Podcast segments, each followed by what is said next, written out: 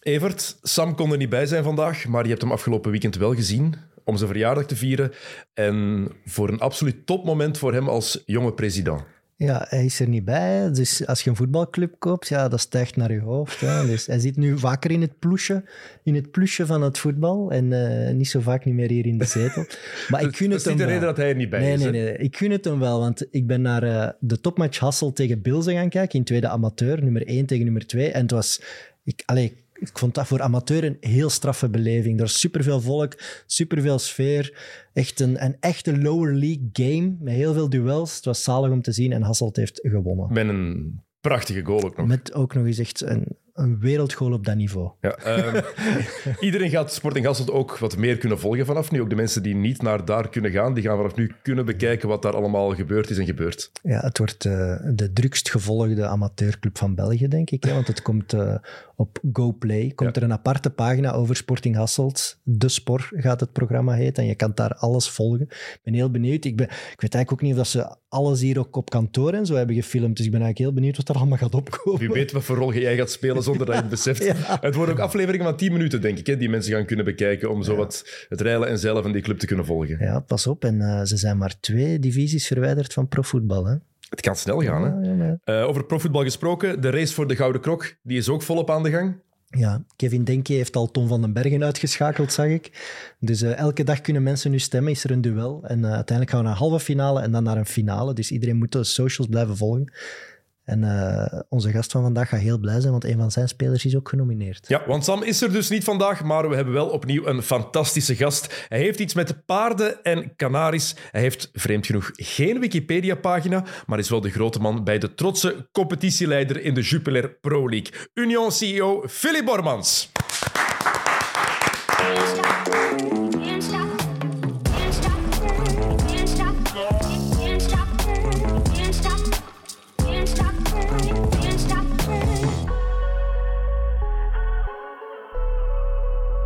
Dag meneer Bormans.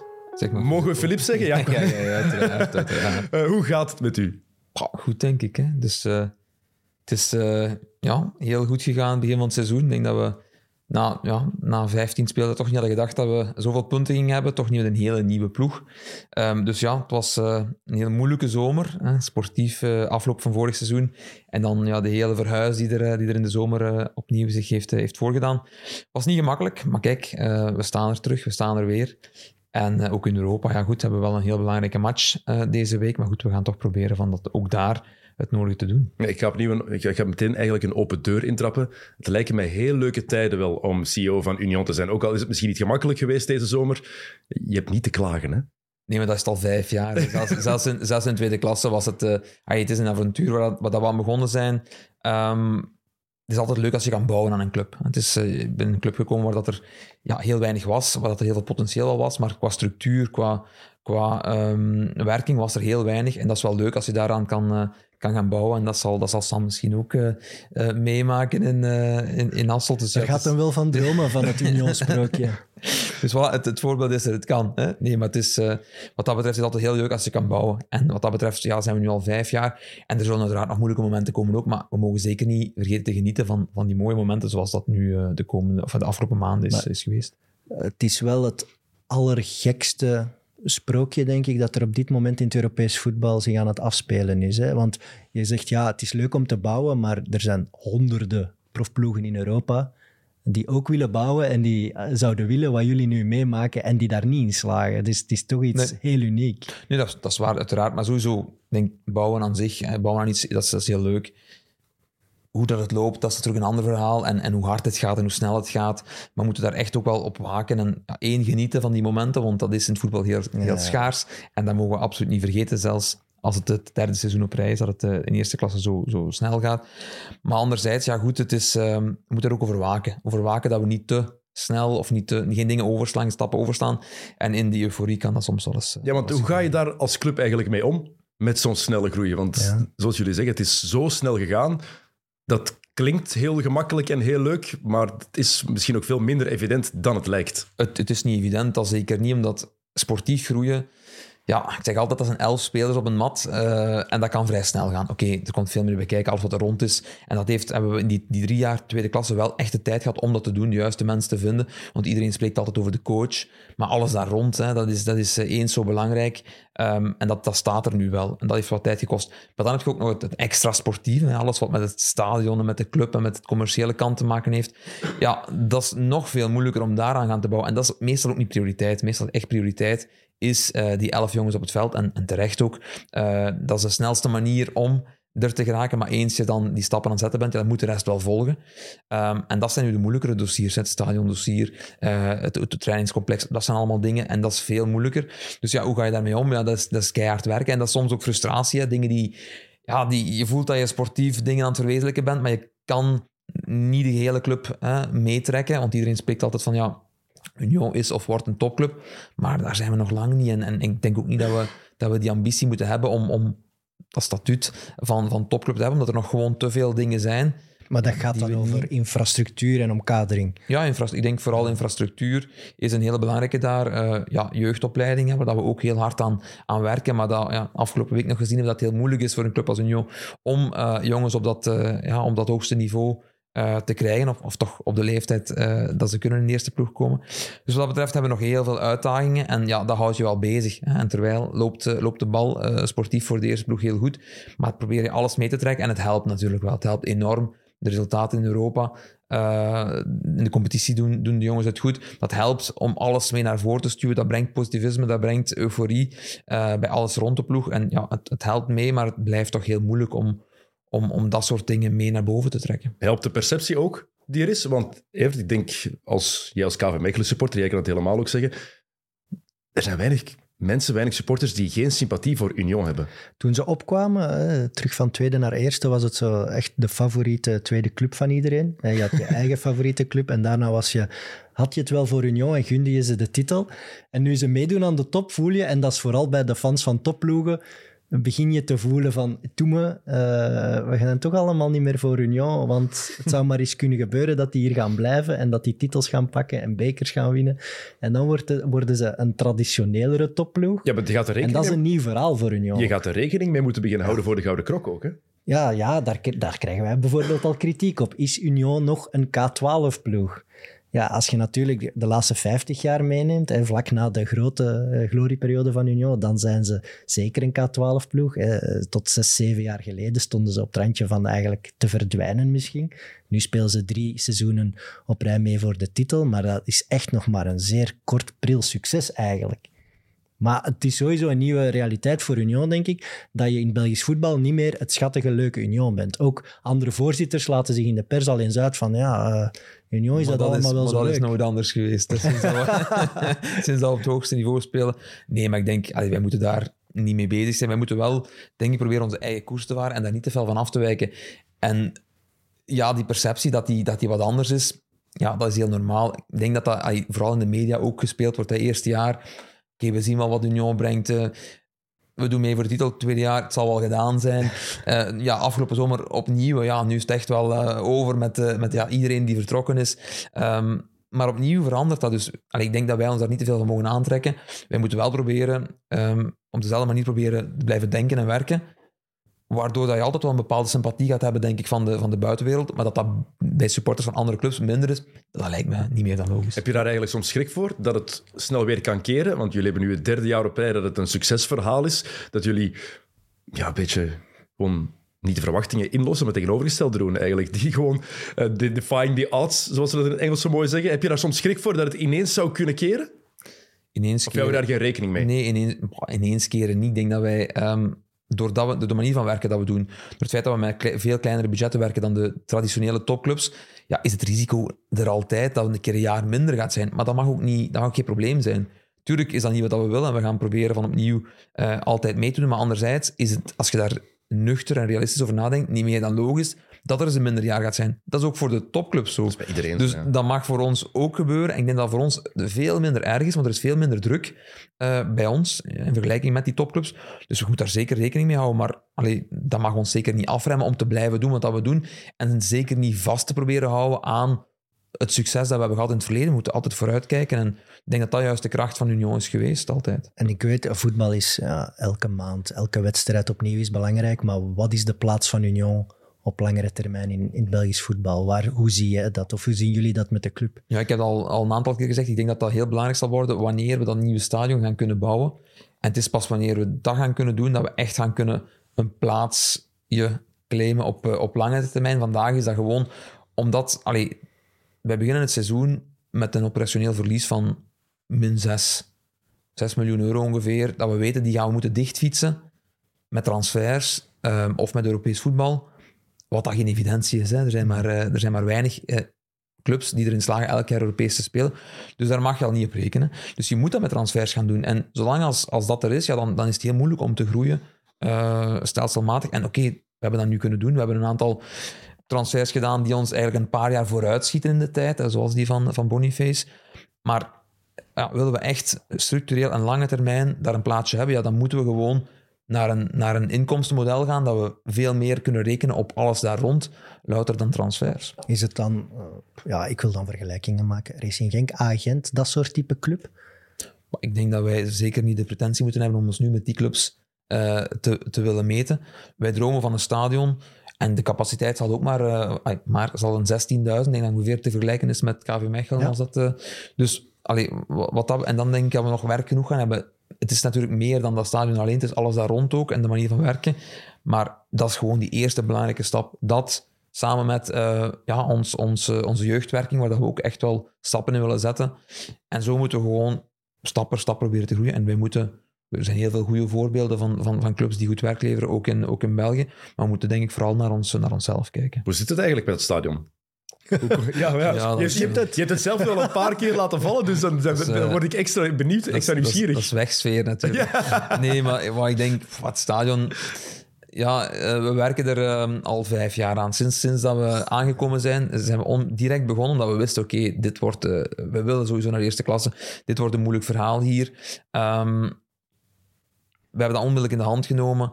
Maar politiek gezien is dat echt niet eenvoudig. Dus er zijn wel een aantal belangrijke stappen al gezet. De plannen liggen op tafel, de budgettering is rond. Um, er zijn studies die momenteel lopen, mobiliteitsstudies, haalbaarheidsstudies, uh, waarvan dat we de resultaten binnen een paar weken verwachten, um, waarvan we eigenlijk al weten dat die positief gaan zijn. Anders hadden we op die site natuurlijk niet uh, willen gaan bouwen. Pal aan de ring. Um, waar is het op wachten? De grote doorbraak voor mij, en die moet er komen nu in de komende maanden, dat is eigenlijk een financieel akkoord te vinden met de gemeente Vorst over de aankoop of de beschikkingstelling van de terreinen.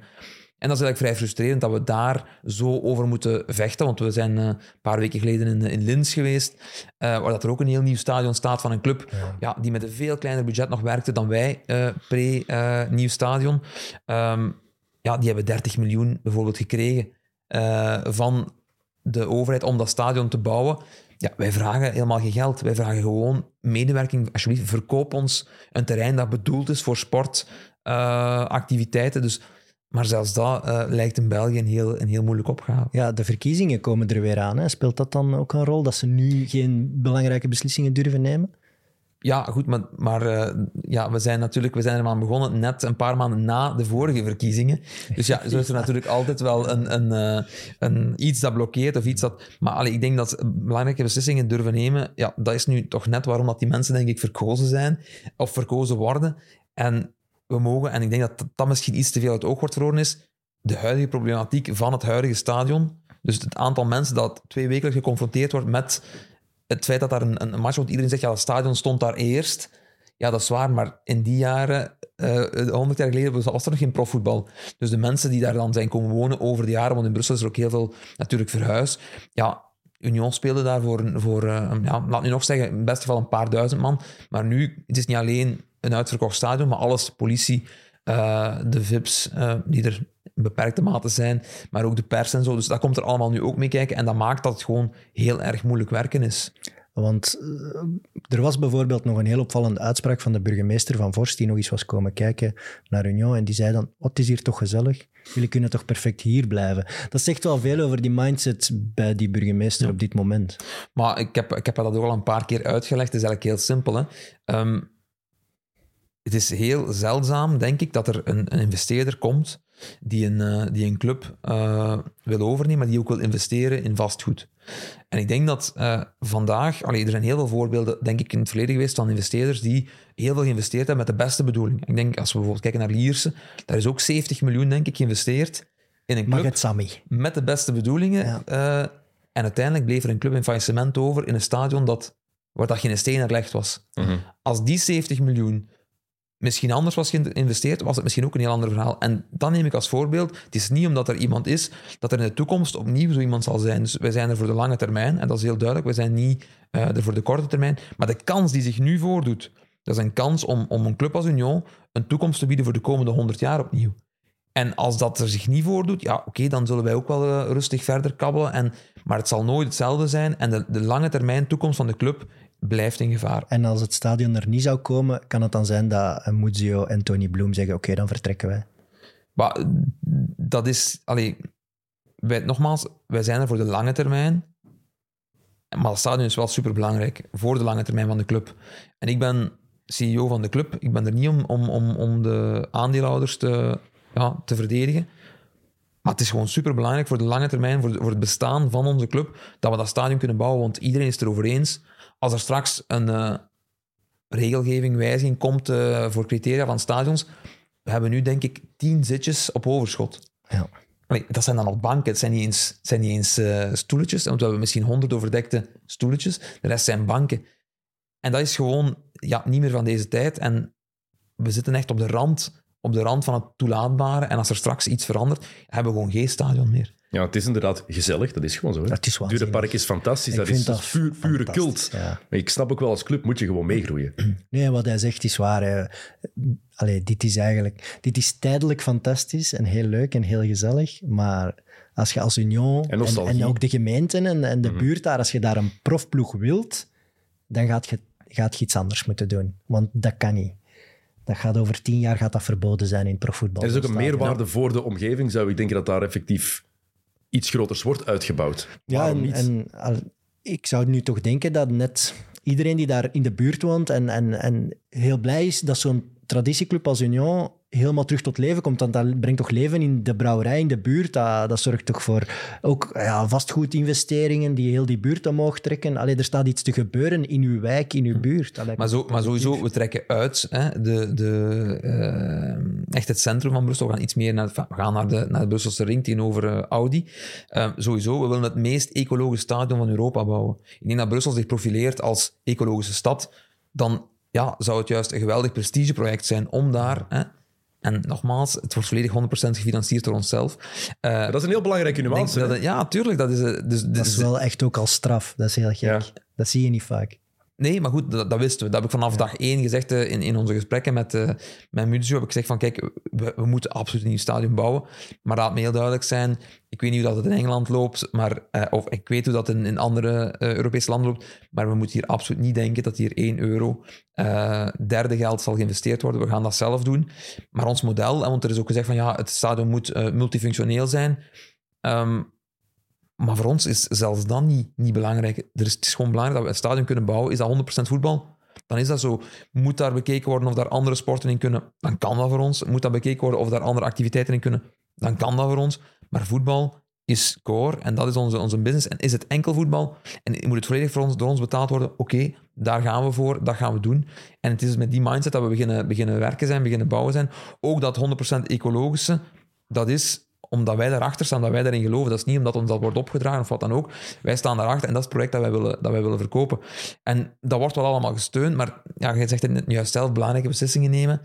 Maar dat is nu eenmaal wel onderdeel van, eh, van, van de politiek en daar ontbreekt het in België vind helaas wel aan. Ik vind het heel vreemd dat een club, als die effectief zelf met al het geld komen, dat dat dan zo, dat dat zo moeilijk is. Je hebt gewoon- Als, als er natuurlijk Ja, financiering wordt gevraagd van de politiek, dat is iets anders. Dan snap je hebt dat er moeilijk over gedaan wordt, maar dit maakt het wel helemaal anders. Ja, je hebt een locatie nodig. Hè. Dat is Ja. wel cruciaal Dat natuurlijk. is re- redelijk, redelijk al- belangrijk. Je moet altijd met de eigenaars van die... Hè, kijk naar eh, Paul Gijsens in Antwerpen en, en Mintjes en eh, Bart Verhagen in Ja. Brugge, die ook de buurtbewoners nog altijd moet overtuigen van waarom het daar Mhm. moet, omdat hij ook geen andere locatie vindt. Hij heeft al zeven locaties voorgesteld en er was altijd wel iets. Maar het is, gewoon, het is gewoon heel triest. En ja, op het randje, wij, zijn echt wel gegeneerd Eh, de matchen tegen Liverpool, enfin, we gaan het binnen een paar weken zien. Maar dan zelfs tegen Lask, Toulouse. We ontvangen die mensen. eh, we hebben een officieel diner eh, dat we dan doen. En de eerste keer was, eh, onze allereerste Europese match was tegen Rangers. En dat was dan, we spelen in Leuven. En ze hadden ons gezegd, ja, je moet dat eh, in een hotel organiseren. Ehm, we hebben dat gedaan, maar die mensen, ja, die, die, dat was totaal geen, geen, geen een voeling. Dat, was, dat, dat, dat paste Ja, tot. Er zijn er nog clubs die dat zo doen. Eh, we hebben dat dan gedaan. Ehm, wij zijn nogal een, een, een vrij los, een los bestuur. En die mannen kwamen dat dan allemaal in, hun, in hun pakjes en dasjes allemaal hetzelfde binnen. En die keken nogal raar op. ehm, want dat, bleek dan, dat hotel bleek dan een of ander bordeel geweest te zijn in de jaren, in, in de jaren 20 of zo, weet ik veel. Eh, dat was dat, voor- dat verberucht. Maar Dat was wel een, een leuke anekdote, maar ze zeiden nee, je moet dat in je stadion doen. Want ja, we zijn, dat is een diner van 20 man. En dan vanaf de volgende match hebben we dat ook altijd gedaan, maar dat is echt, we geven die mensen ook een kleine rondleiding. En dan, zeker bij, bij een club als Lask, wat ook een kleine club was, maar die met een klein budget werkt, ehm, die mensen die hebben hetzelfde meegemaakt. Die hebben ook in dat soort, in dat soort omstandigheden moeten werken. Maar als je dan ziet het stadion waar, dat je, waar dat je daarin komt, ehm, en op, op, op welke tijdspannen en hoe dat, dat tot stand is gekomen, ja, dat zijn wel uw tegenstanders. Hè? En dat is gewoon, ja, willen we in Europa mee, willen we iets betekenen, ja, dan gaan we toch echt wel een keer moeten werk maken van, van infrastructuur. Want ik heb het, dus, allee, ik heb het er zondag eh, met eh, Ivan de Witte nog over gehad. Ik denk dat Agent het enige stadion in de laatste 100 jaar is dat op een nieuwe site is kunnen verwezenlijkt worden. Ja. Oké, er zijn wel verbouwingen, KV Mechelen, ehm, STVV en andere, maar echt een, op een nieuwe site zoals wij dat willen doen, een stadionbouw zoals Club Brugge dat wil doen, ik denk niet dat het de laatste 100 jaar buiten Gent heen geweest is. Hm. Ehm, voor we verder gaan over, over Union en de werking daar, is het misschien ook eens belangrijk om te weten wat jij eigenlijk precies doet. Want iedereen weet wat een CEO doet, wat het is. Maar wat is jouw rol precies binnen Union? Oh, dat, is, eh, dat is eigenlijk ja, heel breed. Hè. Het is, een van de problemen die we, die we hebben is dat onze sportieve eh, zit in Lier. En onze, ja, al de rest, niet sportief, zit aan het stadion. Eh, en onze jeugd zit nog een keer op een andere locatie in Anderlecht. Ehm, dus wij zitten heel verspreid. Eh, onze voorzitter die, die woont in, in Londen. Ik zelf ben afkomstig uit Limburg en woon daar nog steeds. Dus ja, je ziet, wij, zitten, wij zijn een club, wij zijn heel verspreid. Ook de spelers trouwens eh, zitten vrij verspreid. Dus dat is echt wat we aanpassen. Hè. Is er sportief eh, iets nodig? Eh Chris, en, Chris O'Loughlin, vaste stek, is, is Lier. Dan probeer ik daar één dag per week te zijn. Maar meestal opereer ik vanuit het stadion. Ehm, dus ja, ik vertrek heel vroeg. In de ochtend, ik, half zes, eh, ben ik de baan op en dan doe ik er maar 50 minuten over. Vertrekt je een uur later, dan kan dat dubbele zijn. Dus ik probeer echt wat te vermijden, vroeg te vertrekken. En dan ja, begint de dag voor mij altijd, eh, altijd hetzelfde. Mijn, mijn, assistent Ines, die, eh, die beheert de, planning, de agenda. Eh, maar we beginnen al, alle twee heel vroeg, waardoor dat we eigenlijk iedereen aan het werk kunnen zetten en, en kijken... en, Oké, wat is dat? Ja, wij zijn, zijn met verschillende, wij zijn met heel veel dingen bezig. En dat is ook een beetje... Zit je transferperiode, ja, dan weet je dat is full, full focus op eh, transfer. En al de rest proberen we aan het stadion te werken, aan die jeugduitbouw te werken, aan de commerciële uitbouw te werken. Want ah, ook de, de club moet blijven groeien. Wij zitten constant, ik denk dat we op dit moment tien vacatures lopen hebben, die we niet ingevuld eh, krijgen. Ja, dat, is, maar dat gaat heel breed.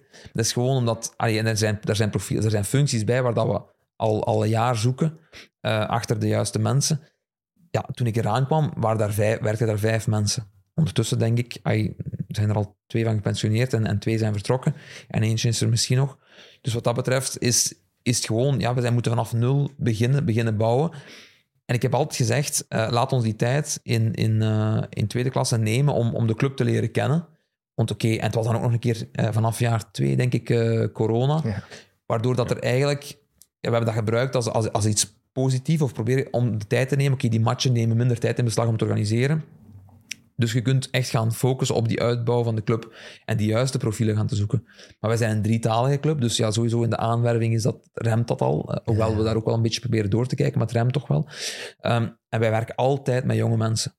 Ik- zelf heb ook ooit de kans zo gekregen om, om, om, om daarin te doen. Ik denk dat, dat al onze profielen, ik denk dat, dat ik zelfs al een van de, van de oudste ga zijn eh, met mijn 36. Dus wat dat betreft, wij willen gewoon die kans geven aan die jonge mensen. Maar die moet je ook coachen. Dus daar moet je ook heel veel mee bezig zijn, heel veel eh zelf tijd in steken.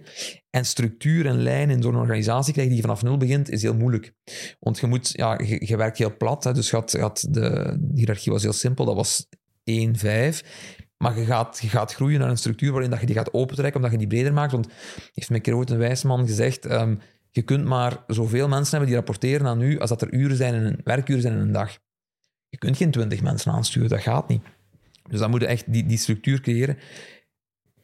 En in die aanwerving maakt je ook fouten. Hè. Dus dat is, uh, net zoals bij spelers is, maakt je ook fouten in die... En dan moeten we weer gaan bijsturen en kijken. Dus al de tijd die we hebben, die gaat echt wel daarin, hè, om, om die mensen te vormen. En allee, het is mijn droom en, en om, om te kunnen zeggen, vandaag, vandaag hoef ik, of deze week hoef ik niet te gaan en alles loopt, alles draait. Uzelf onzichtbaar maken, of, of dat is eigenlijk, en, en, en dat moet voor iedere persoon in die organisatie kunnen.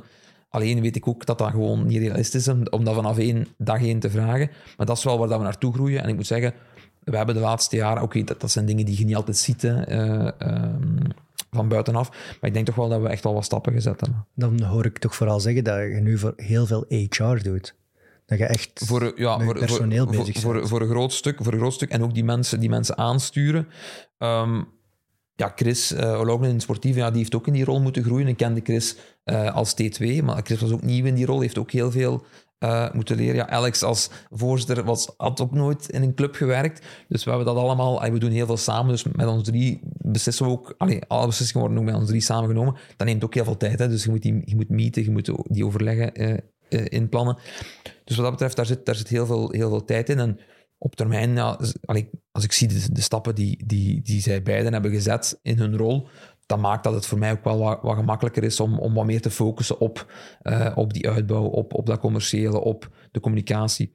Dus uh, ja, dat maakt wel tijd vrij. En natuurlijk het stadion dan meer en meer tijd hopelijk begint uh, te vragen, want dat moet nu echt wel... En okay, eens dat er komt, oké, okay, dan gaan we ook moeten mensen bij, bijnemen. Maar dat opvolgen, ik heb het al, ik heb het al eens gedaan bij, bij STVV, en dat ging dan maar over één, per één tribune. Dat is, dat is gigantisch. Want die drietand, Muzio, Laughlin en jij, dat, dat is ook net de kracht van Union, denk ik. Dat jullie het misschien maar met drie moeten doen en dat jullie heel snel kunnen gaan. Ja, dat is waar. En dat, is een dat, dat wist ik wel uh, vanaf dag één. Um, dat uh, het bestuur, dus dat de club volledig in handen is uh, ja, van, een, van, van, van een beperkt groepje mensen, de, ja, dat kunnen we niet onderschatten, denk ik. Wat daar, okay, meer en meer clubs groeien naar zo'n structuur, uh, omdat het ook gewoon financieel allemaal heel moeilijk is om het, om het, uh, om het anders nog te doen zoals vroeger. Um, maar die kracht is echt wel heel belangrijk, want als je moet gaan overleggen met, met, met, met een volledige raad van bestuur, die bestaat uit tien mensen met allemaal een, een, een supportershart en allemaal een andere mening, tegen dan zijn de, zijn de kansen al lang, al lang voorbij. Dus, Wat voor soort functies zoeken jullie dan? Ah, interesse? Ja. ik heb misschien mensen die luisteren. Ik heb genoeg werk voorlopig, maar je weet nooit. Hè? Maar wat, wat, wat voor functies maar als ik, als ik nu, De twee belangrijkste waar, dat ik, waar, dat ik, heel, uh, waar ik heel veel belang aan hecht, is een, een directeur voor de, voor de academie, voor onze jeugdopleiding. Dat is een hele belangrijke die dat we nu uh, proberen in te vullen. Uh, een verantwoordelijke of een, of, ja, een verantwoordelijke voor onze community afdeling. Dus daar hebben we ook intern wat, wat moeten gaan schuiven, wat niemand aangeworven. Uh, maar die is nu meer naar het stadiondossier geschoven, met zijn, gelet op zijn achtergrond en zijn persoonlijke interesses ook. Dus, en voor ons is dat echt wel een heel belangrijke functie. Um, dagdagelijks worden, we nog, worden wij geconfronteerd met, met de, ja, problematieken die er in Brussel zijn. En ik denk dat wij als voetbal ik heb er altijd heel hard in geloofd dat voetbal een verschil kan maken. Dat onze spelers een verschil kunnen maken op die jongens uh, en meisjes die, die daar allee, toch wel echt grote problemen uh, ondervinden in hun opvoeding in, uh, in Brussel, maar ook ja, de, de iets oudere mensen natuurlijk. Dus daar zoeken we echt wel een profiel. Maar dat moet echt wel iemand zijn die, die weet waarover hij spreekt. Iemand die, die van het Brusselse is, die, die weet, oké, waar kunnen we het verschil maken met onze... Want we moeten ook niet, niet te veel, niet te groot dingen aanpakken, maar met kleine dingen, waar kunnen we het verschil maken? En ja, dat zijn bijvoorbeeld twee die er, die er zo uit, uh, uitsteken. Commercieel proberen we altijd te groeien. Communicatie is ook iets waar dat we constant mensen zoeken. Dus het, ja, het gaat echt wel, uh, boekhouding zelfs, dus, allee, het gaat echt, het gaat echt heel breed. Kijk, misschien, ja, die... misschien zijn er luisteraars die zich geroepen voelen. Hè, kunnen hier onmiddellijk een oproep doen. Daarom, kijk. nee, maar... Interim, interim bureau met mit. Iemand die ik heel goed ken, Maarten ja. is ex-collega van mij. Ja. Die is nu een soort perschef. man die doet ook al even veel, daar, denk ik. Ja. Die zit daar nu al een paar jaar. Die is... Die ben ik gaan halen toen dat we gepromoveerd zijn. Ja.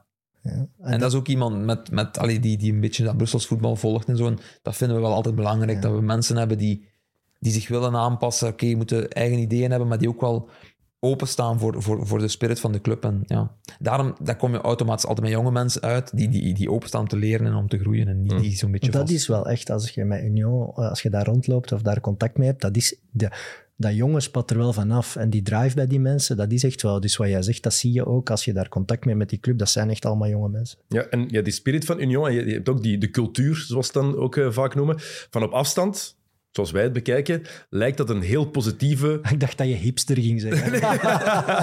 nee, lijkt dat gewoon een hele positieve vibe te geven altijd. Is dat een cultuur die, ja, die een bepaalde, waar een bepaalde hele sterke basis is? Kan je dat eens uitleggen, wat die cultuur van Union precies inhoudt?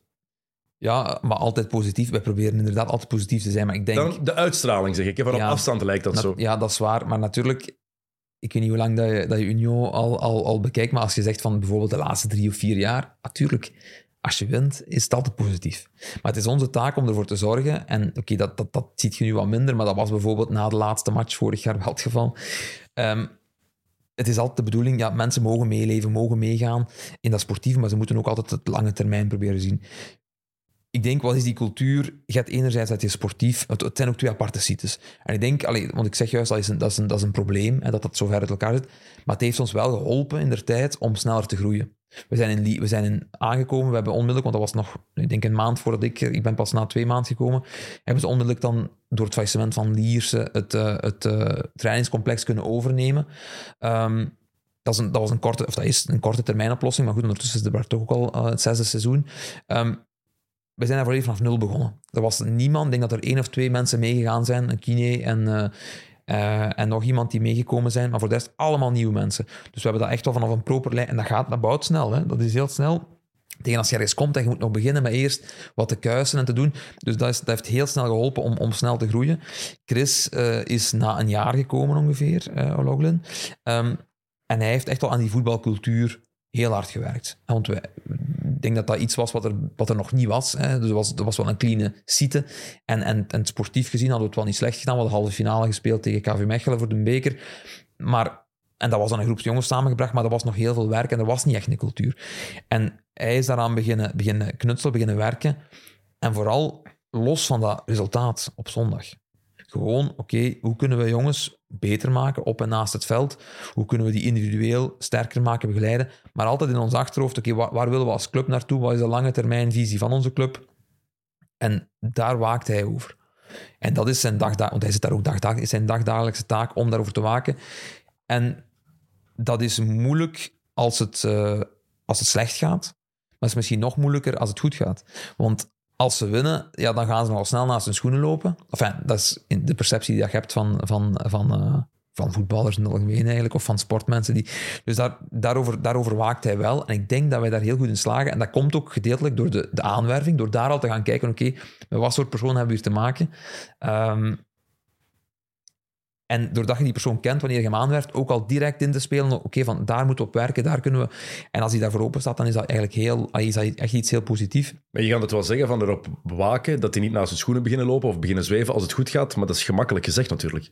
Ook al, Ja, maar- ook al heb je ja. profiel van iemand, ook al weet je hoe iemand in elkaar zit, je, je kan dat nooit voorspellen hoe Ja, iemand reageert op succes natuurlijk. Hè? Ja, maar zij maken het verschil daarvoor al. Hè. Mhm. De aanwerving. In de aanwerving, maar, tuurlijk, maar het is, Daar is al inderdaad over zo dat je, gezegd, niet, dat je niet weet eh, hoe gaat die exact... En daarom is het, daar zijn er ook transfers die mislukken, hè, want iedereen zegt altijd de politiek, oké, we hebben heel veel goede transfers gedaan, maar net zoals elke andere club hebben we ook transfers gedaan die niet gelukt zijn, of waarvan dat de reactie of de, de, de, de, ja, de reactie van de speler niet was degene die wij in gedachten hadden toen dat we hem, eh, hem aanwierven. Dus wat dat betreft, dat is er ook, maar daarover waken dat als het goed gaat, dat ze oké, blijven werken, blijven werken aan een, aan een zwakke punt, niet blind staren op dat resultaat, want soms kun je een match winnen in de, in, in de 92e minuut of, of zelfs nog later, maar misschien ja, was het niet helemaal verdiend, of, of omgekeerd, misschien verliest, verliest je een match en ja, bleek het achteraf allemaal zo erg. Dus je moet dat analyseren en, en verder kijken, en daar is Chris wel, is wel keihard mee bezig. En ik denk, wat is dan het succes en waarom kan dat, kan dat zo blijven gaan, ondanks dat we drie verschillende trainers hebben gehad? Ehm, wij zijn vanaf dag één en we zeggen, kijk, dit is de manier van werken, dit is hoe wij willen werken. Het gesprek met Felice Mazou was, eh, was niet gemakkelijk. Hè? Omdat één, ja, naar tweede klasse komen, dat, is al, dat was al, al niet simpel. Maar twee, wij gaan werken, wij willen werken zoals wij willen werken. En dat wil zeggen, niet met drie, vier man staf aankomen. Het zal enkel de trainer zijn. We gaan samen die invulling doen. Wij geloven in de mensen die wij hebben aangeworven, want die zitten er allemaal met reden. Ja, want men spreekt altijd over de coach, maar de keeperscoach, de, de, de physical coach, ook heel belangrijk. Eh, al die mensen, heel die staf, is door ons geselecteerd, met een bepaalde reden. We zijn die mensen gaan halen, we hebben die mensen ook dikwijls overtuigd van hun, hun job te verlaten, of van, want het zijn mensen die soms ook niet uit voetbal komen, van een sprong in type. Hè, in, op die moment toch een, een tweede klasse club, die, waarvan heel weinig mensen eh, gehoord hadden. Ehm, die mensen hebben dat gedaan, wij nemen het ook op voor die mensen. Zij hebben alles gegeven voor ons. Ja, nu komt er een coach, daar willen we veel voor doen en we willen daar graag mee samenwerken. Maar we willen niet onze, onze waarden en onze manier van werken opgeven. Dat zal nooit het geval zijn.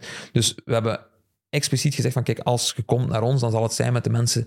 En als er nog gaten zijn, dan gaan we die samen invullen. En die waarden ook hebben we samen gedaan. En dan is het mooi, mooi en, en, en, en triest om dan te zien dat na een jaar ja, die trainer vertrekt en, en, en probeert die hele staf mee te nemen. Dat toont dat, dat, we, dat we correct ja, waren. dat is logisch, toch? Als je succes hebt als coach. je, Ja, dat is, dat is logisch, maar, maar dat, allee, dat toont... En dan heb je mensen die, die daarin meegaan. Hè, die zeggen, oké, ja, we gaan... ehm, omdat ze misschien niet geloof hadden dat, dat, dat de club ging blijven groeien, bijvoorbeeld. Hè, En dat het was ook Anderlecht natuurlijk. Wat wel Ja. de grootste ploeg qua naam is in België. Ja, oké. En het zal ook financieel interessant geweest zijn. Waarschijnlijk. Ja. Dus die mensen vertrekken. Maar er zijn ook mensen die zeggen van nee, die ook gevraagd zijn, die zeggen nee, we blijven, want wij geloven in het project. En dan is dat mooi om te zien. De volgende trainer komt, oké, dat was aan Karel, dat was iets gemakkelijker, omdat hij al het huis kende, die kende de mensen en zo. Maar nu dan, van, van afgelopen zomer met Blessen, opnieuw, kijk, dit zijn de mensen waar dat wij mee werken, dit zijn de mensen waar dat wij in geloven en waar dat wij het, eh, het verder mee doen. En leer die mensen kennen. En, en, eh, dit, dit is hoe wij, en dat, dat zeggen we ook altijd heel duidelijk, van kijk, zo willen wij werken. En dan is het aan de trainer om die beslissing te maken. Dat zeg, dat, Ja. dat zeg maar even. Nee, maar bijvoorbeeld zelfs een... een, een allee, stel, er staat ergens een nieuwe Jurgen Klopp op en die is geïnteresseerd om naar Union te komen, maar die zegt, ja, ik wil wel twee, drie man meepakken, dan, kan, dan zeggen jullie nee. Nee, want dan gaat het, dan gaat het voor, een, eh, voor een bepaald... oh, ik zal het anders zeggen. Die wil een aantal mensen meepakken waarvoor dat wij al mensen in dienst hebben die, Ja. waarvan dat we heel tevreden zijn en die voor ons destijds gekozen hebben. Nee, want dan, dan gaan we misschien korte termijn succes hebben, maar op de lange termijn is dat niet vast, want er komt een dag dat de trein vertrekt. En dat is nu eenmaal tussen de, tussen de zes maanden en de, en de drie jaar of zo zeker. Eh, dus dat is gewoon zo. En wij geloven in onze manier van werken. En ik denk dat we lange termijn daar ook veel beter mee af zijn. Want als we dan een keer iemand benaderen voor een functie in te vullen, T2, keepertrainer, wat dan ook, die zien ook die historiek van oké, de voorganger die is daar geweest, die is gesteund geweest in, in, in, in die verschillen die er geweest zijn. Oké, soms klikt het met een trainer, soms is dat wat minder, dan moeten we altijd... allee, dat- maar dat zijn dingen waar dat we echt over waken en wij geven ook die garantie aan mensen, als je kiest voor Union, dan kiezen wij ook voor u. En dan, dan is dat een lange samenwerking die we aan willen gaan. En dat, is niet, dat wordt niet aan de kant geschoven omdat je na drie maanden misschien eh, een nieuwe trainer hebt. Of, dat zijn dingen waar dat we echt wel heel veel belang aan hechten. Maar het is wel opvallend natuurlijk, hè, want vaak hangt een cultuur binnen een club ook va- vast aan een trainer. Dat zie je heel vaak, zeker in het buitenland. Een cultuur, hoe het bij een, bij een club loopt, dat hangt vaak samen met een trainer en hoe zij daar jarenlang kunnen werken. Ja, bij jullie is die cultuur gebleven, ondanks dat die, het toch een ja, stevig trainerverloop is geweest. Want je kan Ja. zeggen wat je wilt, het is redelijk turbulent geweest op dat vlak. Dus ik denk dat dat het minste is dat we daarvan kunnen dus zeggen het wel. is, hè. tuurlijk, maar dat zijn... Allee, is dat, en dan kun je dat analyseren. Hè. Is dat, eh, hoe, hoe komt dat? Hè? Is dat eh, wat is de reden daarvan geweest? Maar ik denk dat, allee, als het aan ons had gelegen, ja, wij... En alle begrippen, dat is misschien het nadeel van zo snel te groeien. Dus we zijn op een bepaald moment heel snel gegroeid sportief gezien, waardoor dat de waarde die dat die mensen hebben, de- hun own value, ja, dat, die, dat die hoger was dan hetgeen dat wij konden betalen, of de stappen die wij, die wij konden zetten. En dat is met spelers zo, en dat is ook bij coaches zo. En bij spelers is dat heel simpel. Komt een bod, speler vertrekt en, en, en zo werkt het. Voor trainers is dat misschien iets, min, iets minder courant of gebruikelijk, zeker eh, in België, waar dat we toch met een, een aparte wetgeving zitten. Ehm, maar anderzijds, allee, bottom line, de trainer kan zich verbeteren, heeft een stap gezet. Ehm, Ja, bijvoorbeeld had je meer salaris gegeven naar Karel Gerards, was hij nu nog trainer Ja. geweest. Heb je daar spijt van? Nee, want dat is gewoon, we daar, ik denk dat we met Karel no hard feelings hebben we dat ook allee, van in het begin heel duidelijk tegen elkaar gezegd. Dat was eh, qua timing eh, heel moeilijk. Hè, want eh, dat eerste gesprek hebben we gehad daags na onze fameuze Goh, ja. laatste wedstrijd. Dat was echt niet tof. Dat, was, dat was niet plezant. Ehm, wij hebben heel duidelijk, en Karel kende ons al, wat was drie jaar zeker, onze manier van werken, of vier jaar. Hij wist hoe dat wij, ehm, hoe dat wij werkten, eh, het respect dat we naar hem hadden, maar hij wist ook wat onze beperkingen waren. En goed, we hebben alles op tafel gelegd. We hebben alles uit de kast gehaald om Karel aan boord te houden. Ehm, wij zijn daar niet in geslaagd. Maar ik denk niet... Allee, dat de, de, de afloop, dat dat was wat hij ervan had verwacht. Ik denk, en het gevoel dat, dat zij mij, eh, zeker de makelaar, gaf, was oké, ja, het zal, wel, het zal wel verder kabbelen en het zal wel ooit opgelost geraken. Alleen konden wij dat risico niet nemen. Ze gaan plooien, misschien dacht Ja, ze gingen, ze gingen, want er was een bestaande overeenkomst, dus het was niet dat er iets moest voor hun getekend worden. Het liep door en ja, ze dachten van oké, we zien wel. Het loopt. Maar zo kan je natuurlijk nooit het seizoen beginnen. We hebben heel duidelijk gezegd, we gaan het seizoen niet beginnen als we geen engagement hebben op papier dat de trainer het seizoen uitdoet. Mhm. Dat is, allee, van onze kant geven wij ook die financiële garantie. Dus dan is dat minste dat we kunnen vragen. Van, oké, dat kun, kan je niet maken ten opzichte van het eh, project. Vanaf, al die andere mensen in het, in het, in, het gaat over de coach, maar het gaat over zoveel meer, over al die spelers, al die mensen daar rond. Dus, er is zoveel mee gemoeid. Ehm, we moeten absoluut dat engagement hebben, anders beginnen we er niet Dat klinkt logisch, maar blijf je dan ook niet achter met een, een, een bitter gevoel ook? Je hebt net zo'n seizoen gehad met een trainer waarmee het geweldig klikte, die de cultuur van die club kent, die er al jaren zit, die mee in dat verhaal zit. En dan vind je geen akkoord. Is dat iets wat jou als CEO dan ook... Het is een en iemand- enorm risico ook. hè. Ja, ook al. Want je zit in een successituatie, in een succesformule die werkt. Het is een enorm risico als bestuur om te zeggen: eh, ja, nee, wij houden ja, hier onze budgetgrenzen, onze poot stijf. En we zullen dan maar zien wat er gebeurt. Wie weet had Ja. het met Blessing dan niet gewerkt en dan had je wel een enorm risico genomen. Dat is waar, maar dan denk ik dat we ook aan korte termijn zou dat zeker eh, de beste keuze geweest zijn om, om te zeggen ogen toe en doe maar en het loopt wel goed. Maar dan denk ik dat we onszelf iets wijs maken. Dan denk ik dat heel ons project ja, voor een stukje op losse schroeven staat, want wij hebben niet eenmaal die middelen niet. Dan zouden we geld aan het uitgeven zijn dat we niet hadden, één. Twee, dan zouden we niet meer recht in de ogen van al die andere mensen kunnen kijken aan wie dat we ook gezegd hebben van kijk jongens, dit is wat dat we kunnen, dit is wat dat we doen, naar spelers toe. Het zijn altijd heel harde gesprekken en dikwijls loopt dat mis en, en, en, en, en hopelijk loopt het ook veel goed ook. Maar dat zijn nu eenmaal de keuzes die wij moeten maken. En als we daar geen rechte lijn in trekken, ja, dan kunnen wij niet meer recht in de spiegel kijken naar al die andere spelers dan die nu bij ons... jullie wel ijzig kalm. Want je, je hebt toch ook emoties bij zo iemand als Gerard? Of bij een speler die je Tuurlijk, maar dat was, hebt? dat was, een, dat was, een, dat was, een- ja, dat was verschrikkelijk. Niet alleen dat we Karel op die moment gingen verliezen als, als, als coach, als iemand die er al van in het begin bijna bij was, maar dan in die omstandigheden, na zo'n seizoen, als eerste job als, als coach, eh, met die afloop, allee, dat was op die moment, wij waren niet klaar. En dat, hadden we ook heel, dat hebben we ook proberen duidelijk te maken aan Kar. Kar, je hebt, hier nog, je hebt hier nog een job, je hebt hier nog een werk te doen. Maar als hij beslist op die moment van, kijk, ik ga er niet op in, ik teken het niet, ja, dan is dat zijn keuze om dat niet te doen.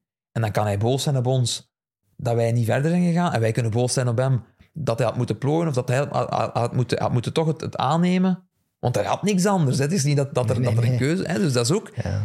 Ja, maar dat is... Dat zijn, alle respect, hè, dat, is- dat, is, dat is hun beslissing. Maar je gaat dus talent verliezen omdat jullie daar wel echt rigoureus in blijven. Tuurlijk, absoluut. Het zijn twee verschillende situaties, maar dat is wel van het hele mooie, positieve verhaal dat Union aan het schrijven is sinds ze terug naar de eerste klasse zijn, zijn gekomen.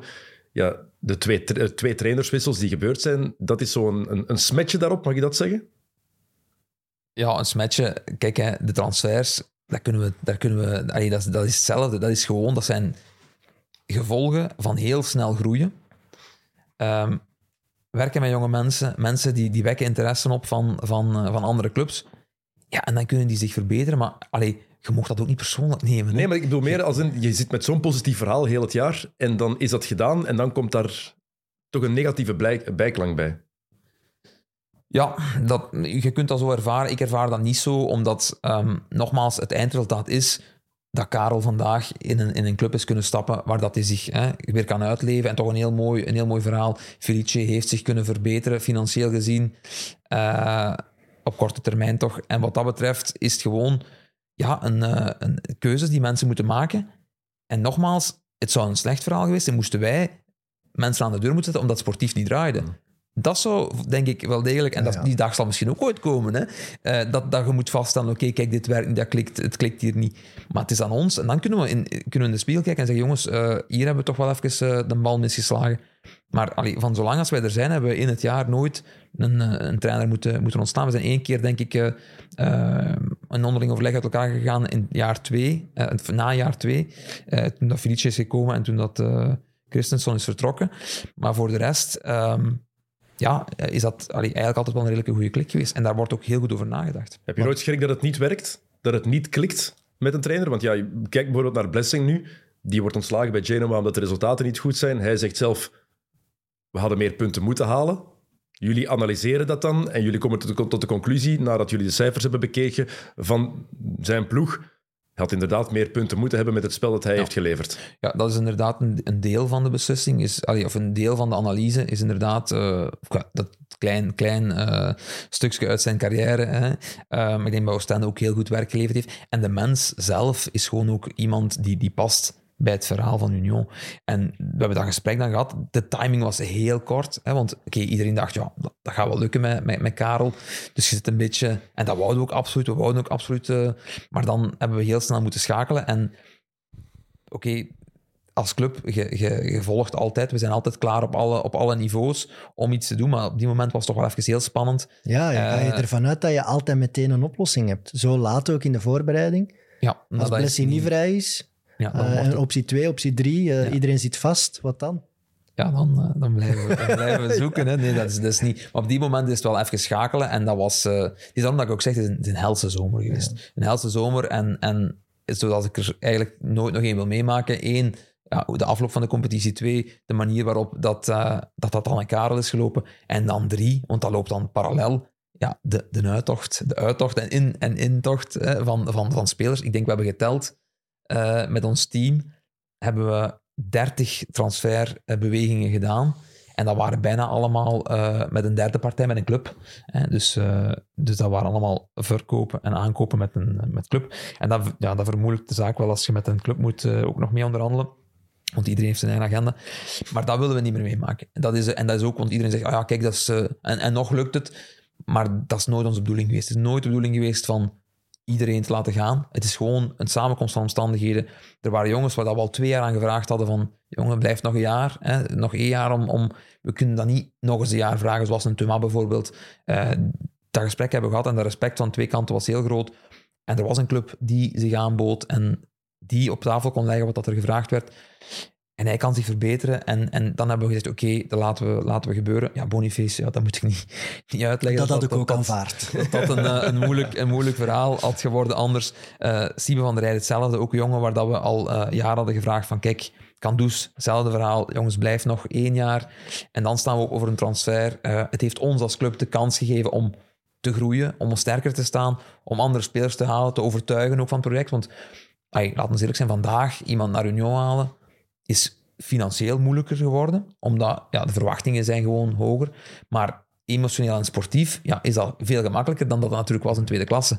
Uh, als ze dan een tour moest doen uh, door, door het stadion of, of door het uh, dan was altijd heel moeilijk, zeker met buitenlandse spelers. Want ja, we, hebben nogal vaak te maken met jongens die de club niet kennen. Maar nu, vandaag, staan we daar veel sterker in, omdat gewoon die track record er is.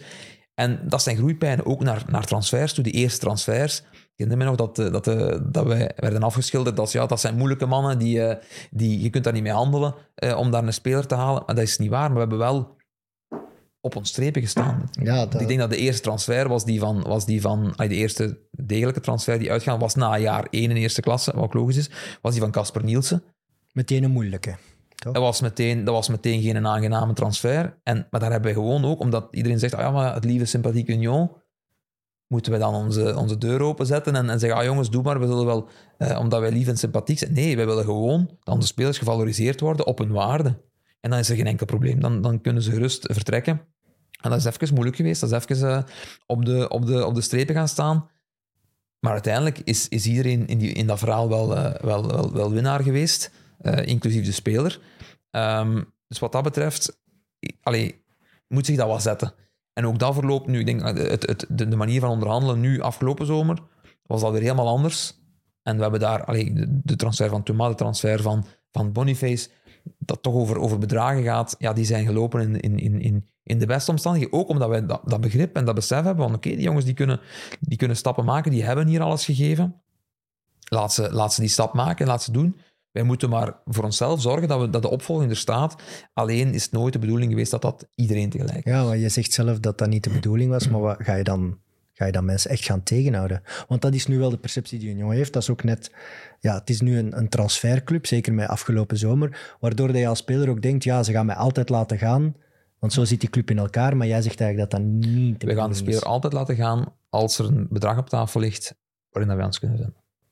We gaan niet om emotioneel... Want we hadden kunnen... Een transfer van Thuma, als we daar de afweging hadden gemaakt, financieel, en één, de mogelijkheid om hem te vervangen. Een Thuma kunnen wij, een, Thuma kunnen wij niet halen. Hè. Wij kunnen geen Thuma... Thuma geen enkele andere Belgische club kon eh Thuma, denk ik, op die moment eh, halen. Of een type Thuma halen.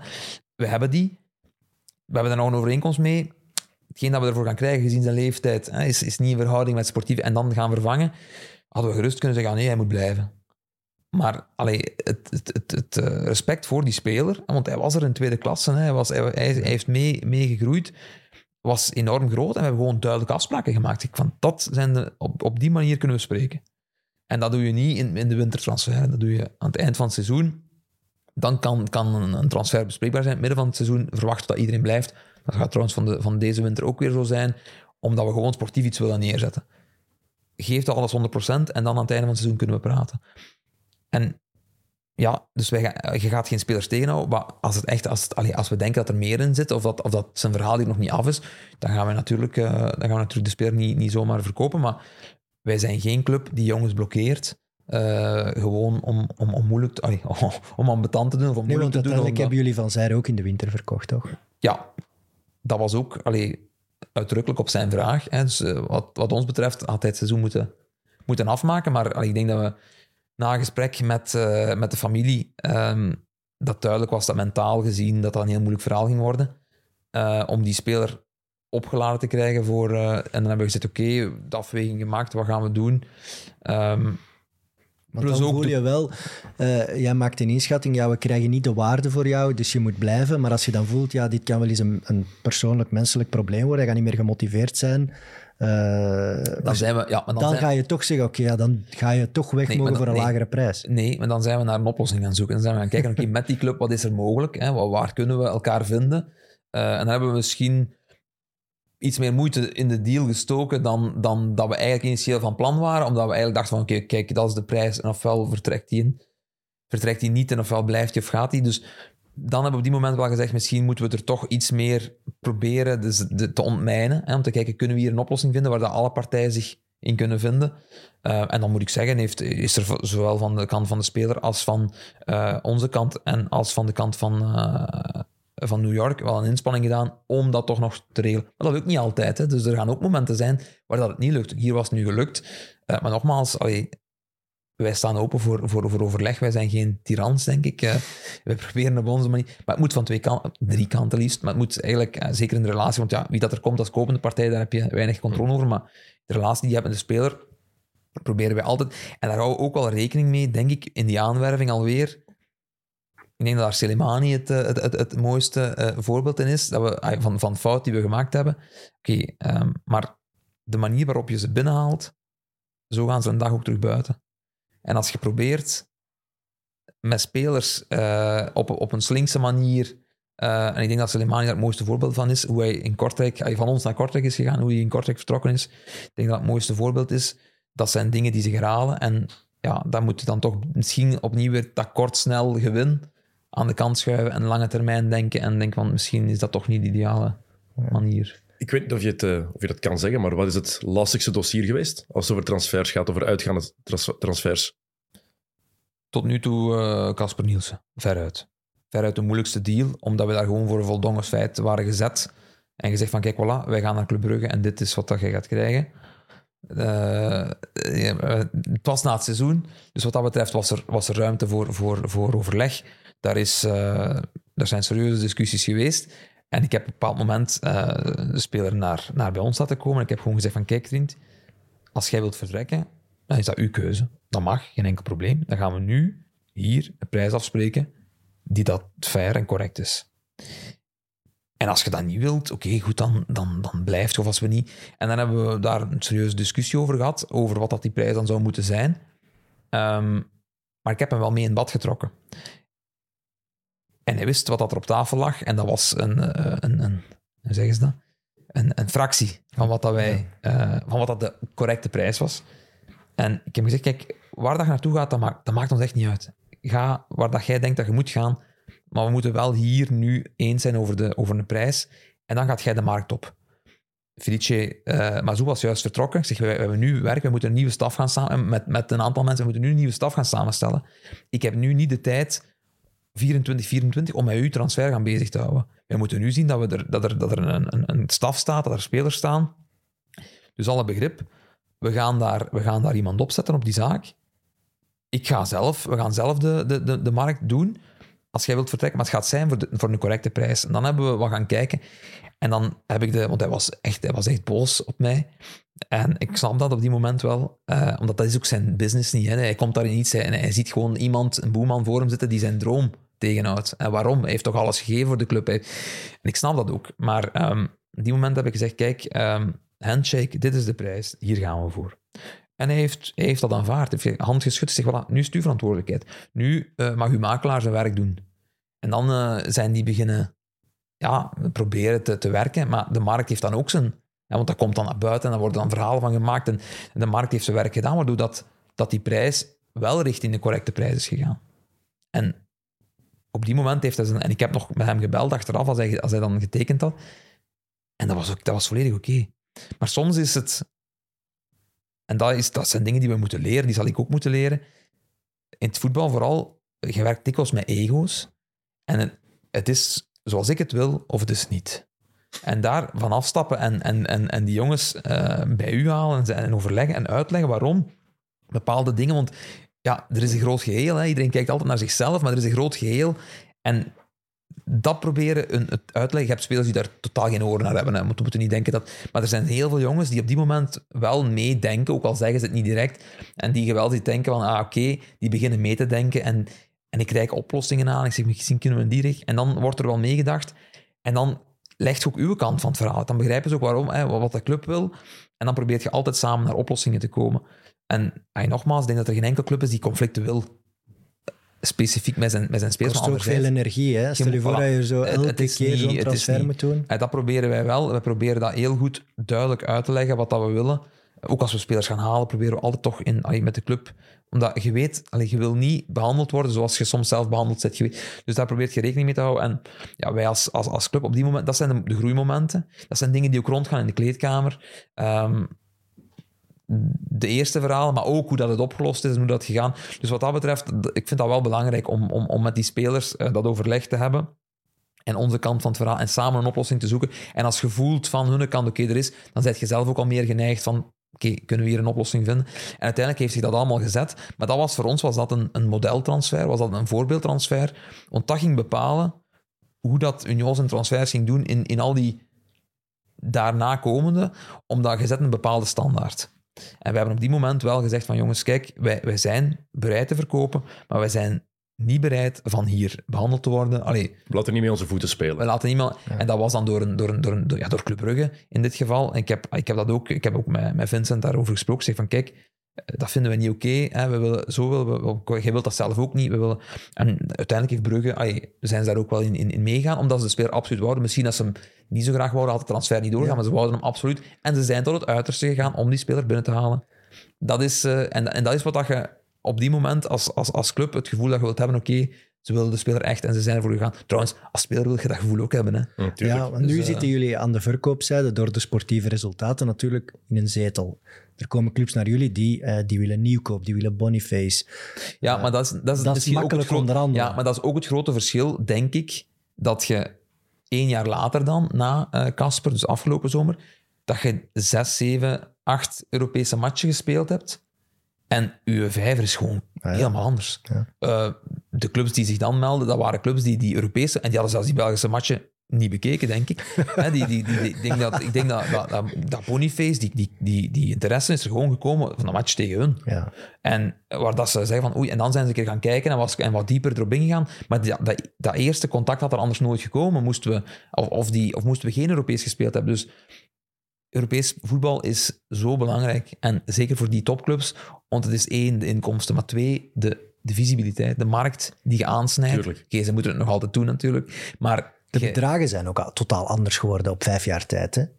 van een tweede klasser die nu plots met Leverkusen onderhandelt over 25 Maar er was, er was geen enkel, er was geen enkel eh, interesse in Terry Thomas. Eh, na één jaar eerste klasse ook niet. Nee, nee, Ja, dat was, het was, iedereen moest, het was Casper. Dus, en hij had al twee jaar bij ons, hij had al twee jaar, anderhalf, ja, twee jaar zelfs de tweede klasse bij ons gehad.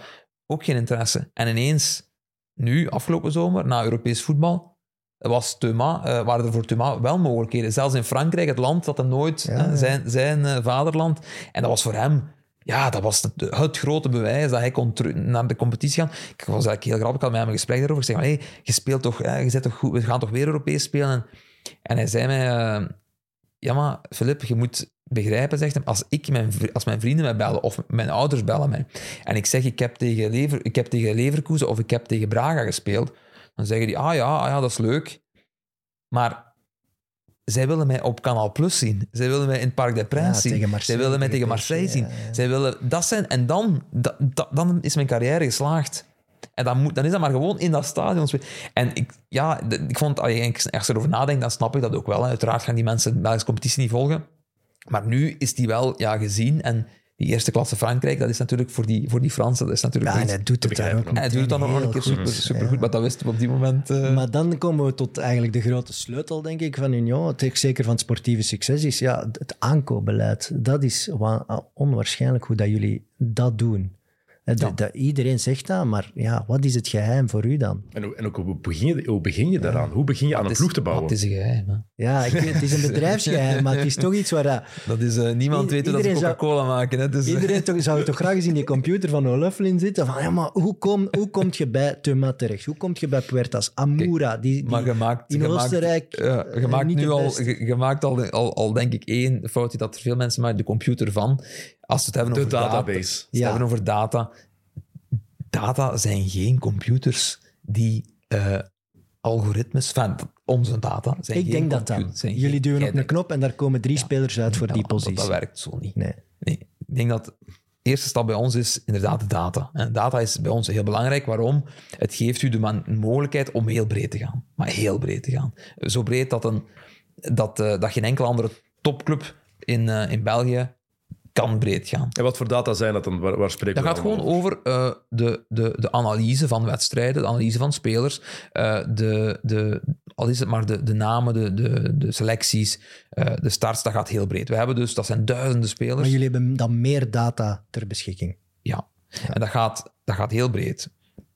Daar worden dan data van, van gemaakt, van getrokken, van oké, wat zijn er nu spelers die interessant zijn Daar worden per kwanti- positie. kwantificeerbare cijfers Voilà, uitgetrokken. daar worden, daar wordt uitgekeken, oké, naar leeftijd toe, naar, eh, naar kwaliteit toe en naar, naar oké, ehm, oké, ook naar, naar niveau. Hè? Want dat is, ook, ja, dat is ook niet altijd heel gemakkelijk. We hebben ook spelers gehad uit Duitsland, vierde klasse. Hè? En ik denk dat Oenaf, eh, derde klasse zeker, eh, En Teklap. een uh, techlab nu. Ja, hoe, hoe meet je dat dan? Niveau en kwaliteiten. Ja, maar dus maar even om te zeggen, die data, dat is ook niet... Dat is ook niet allee, je moet dat ook een beetje kunnen lezen. Hè? Dat, is, dat is ook niet zo heel eenvoudig. Maar we proberen ongeveer, eh laten we zeggen, per eh, positie, hè, dat er dan misschien 20, 30, 40 eh, namen zijn die voldoen aan de ondergrens.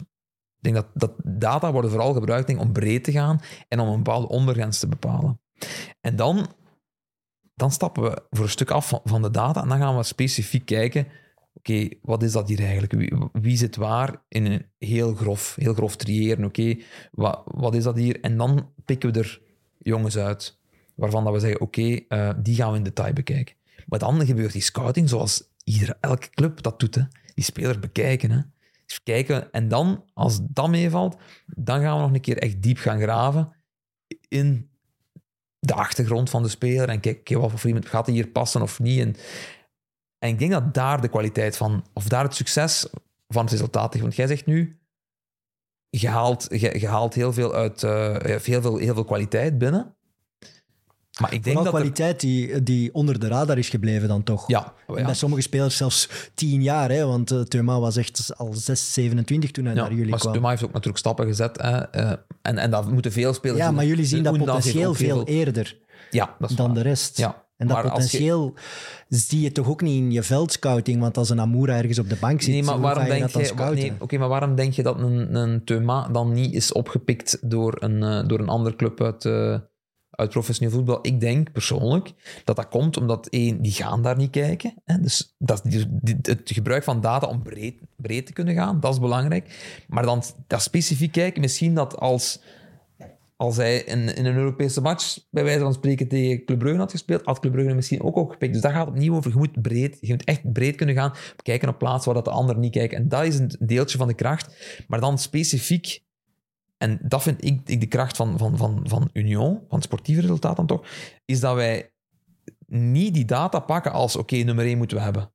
Dus ik zou niet willen, ik denk dat, dat, dat Boniface misschien nummer 10 was qua data van de mogelijkheden die we hadden. Maar we zijn, of, we zijn gaan kijken, oké, één, die waren misschien niet haalbaar, maar, maar twee ook, wat zijn nu de specifieke talenten en krachten van, van een Boniface en hebben we, dat- hoe kunnen we dat gebruiken in onze club? En we hebben ook maar een heel kleine kern. hè. Dus we moeten Ja. elke speler die we halen... We kunnen niet zomaar zeggen, ah, we pakken de tien. We hebben er daar tien gezien en dat gaan zeker jongens zijn die doorbreken. Die gaan we pakken. Ja, zo zijn er clubs. Hè. Al die tweede en derde clubs van, van grote clubs, dat zijn clubs waar dat ze jongens stockeren. Ja.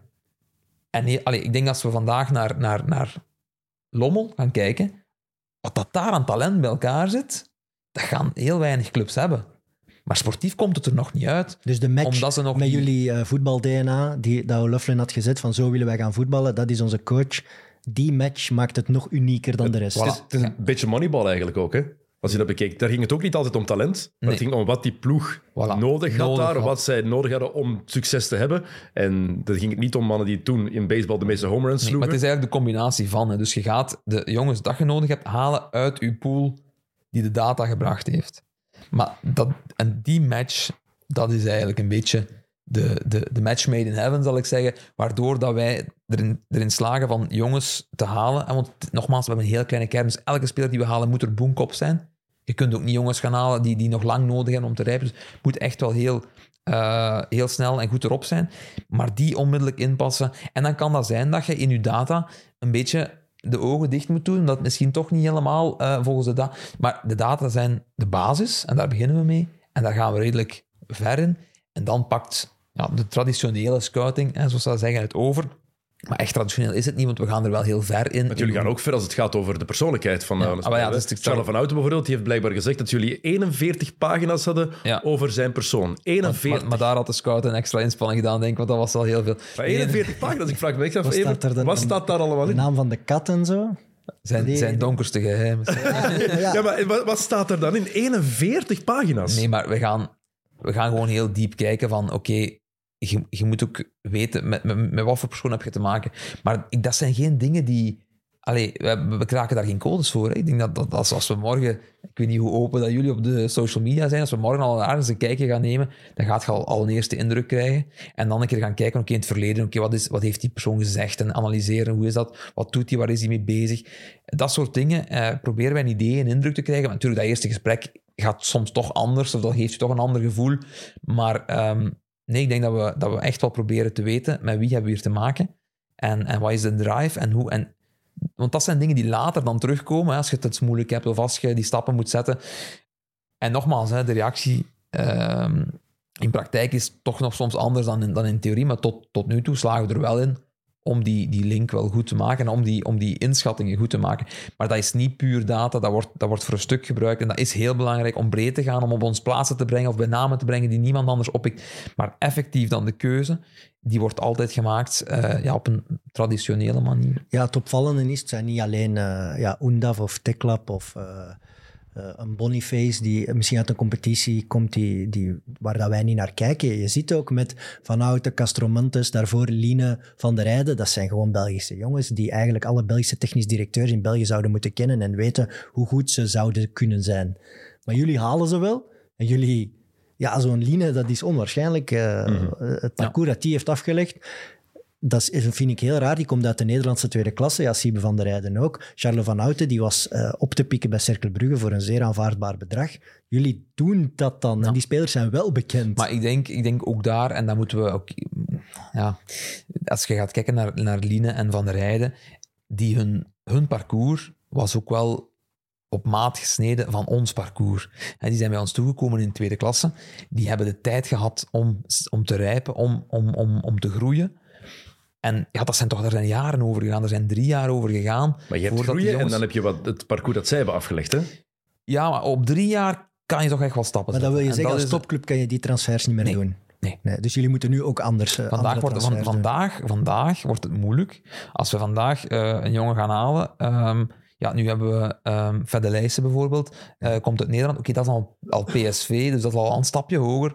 Om dan te zeggen, oké, dus maar om echt een jongen in tweede, tweede klas nog te gaan halen, dat, dat zal nog mogelijk zijn. Maar om hun in de picture zo te laten groeien, dan gaat het meer. Dan, gaat, dan, gaat, dan gaan ze echt wel heel snel stappen moeten zetten, omdat gewoon ons niveau niet meer vergelijkbaar is met het niveau van de kampioenenploeg in tweede klasse. Dus jullie gaan ook bij spelers terechtkomen die wel al op de radar staan van al de rest natuurlijk. Met een lager budget is het soms makkelijker omdat je bij spelers terechtkomt Ja. die toch niemand wil. Ja, zwaar. Ja, dat is waar. En, en ook omdat ja, de, de verwachtingen zijn anders. Hè. Natuurlijk, nu wordt er een bepaalde hype gecreëerd, verwachting gecreëerd.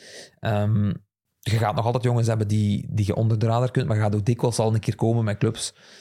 Ja, waar dat... het, eh, Ja, en je zit in België met die regel van die voetbalbelgen. Hè? Dus eh, Belgische eh, transfers dat, doen. dat is nog, nog een maand zeker dat, de uitkomst, dat er een proces... eh, Uitkomst verwacht wordt, de zaak Rafaelov, eh 21 december of zo. Dus eh ben eens curieus ja, wat ze daarmee gaan doen. Eh, nee, voetbal België, ah, het, is, het is wel Die, belangrijk. die prijzen gaan toch omhoog gaan. Iedereen wil die goede voetbalbelgen. Ja. Nee, dat, dat, dat is ook zo. Maar ehm, allee, we zijn van de zomer ook eh, Sadiki gaan halen. Ja. Eh, Oké, we, we hebben daar ook een, een, een- transferprijs voor betaald. Maar we geloven ook echt in die speler. Dus allee, als, als Union zijnde, tuurlijk wilt je die jongens uit je eigen jeugd gaan halen. Maar ja, de, de tijd die daarover gaat voordat die jeugdwerking op punt staat, voordat je jongens hebt van de leeftijd 17, 18, 19 jaar, die het niveau hebben, ja, dan, dan zit je echt wel jaren verder. En intussen tijd zullen wij moeten jongens kopen. Ehm, zoals we dat met Sadiki en Van Houten hebben gedaan. Ehm, en Van Zijr in de tijd. En, en, en dat is geen probleem. Ik bedoel, dat weten we, dat beseffen we.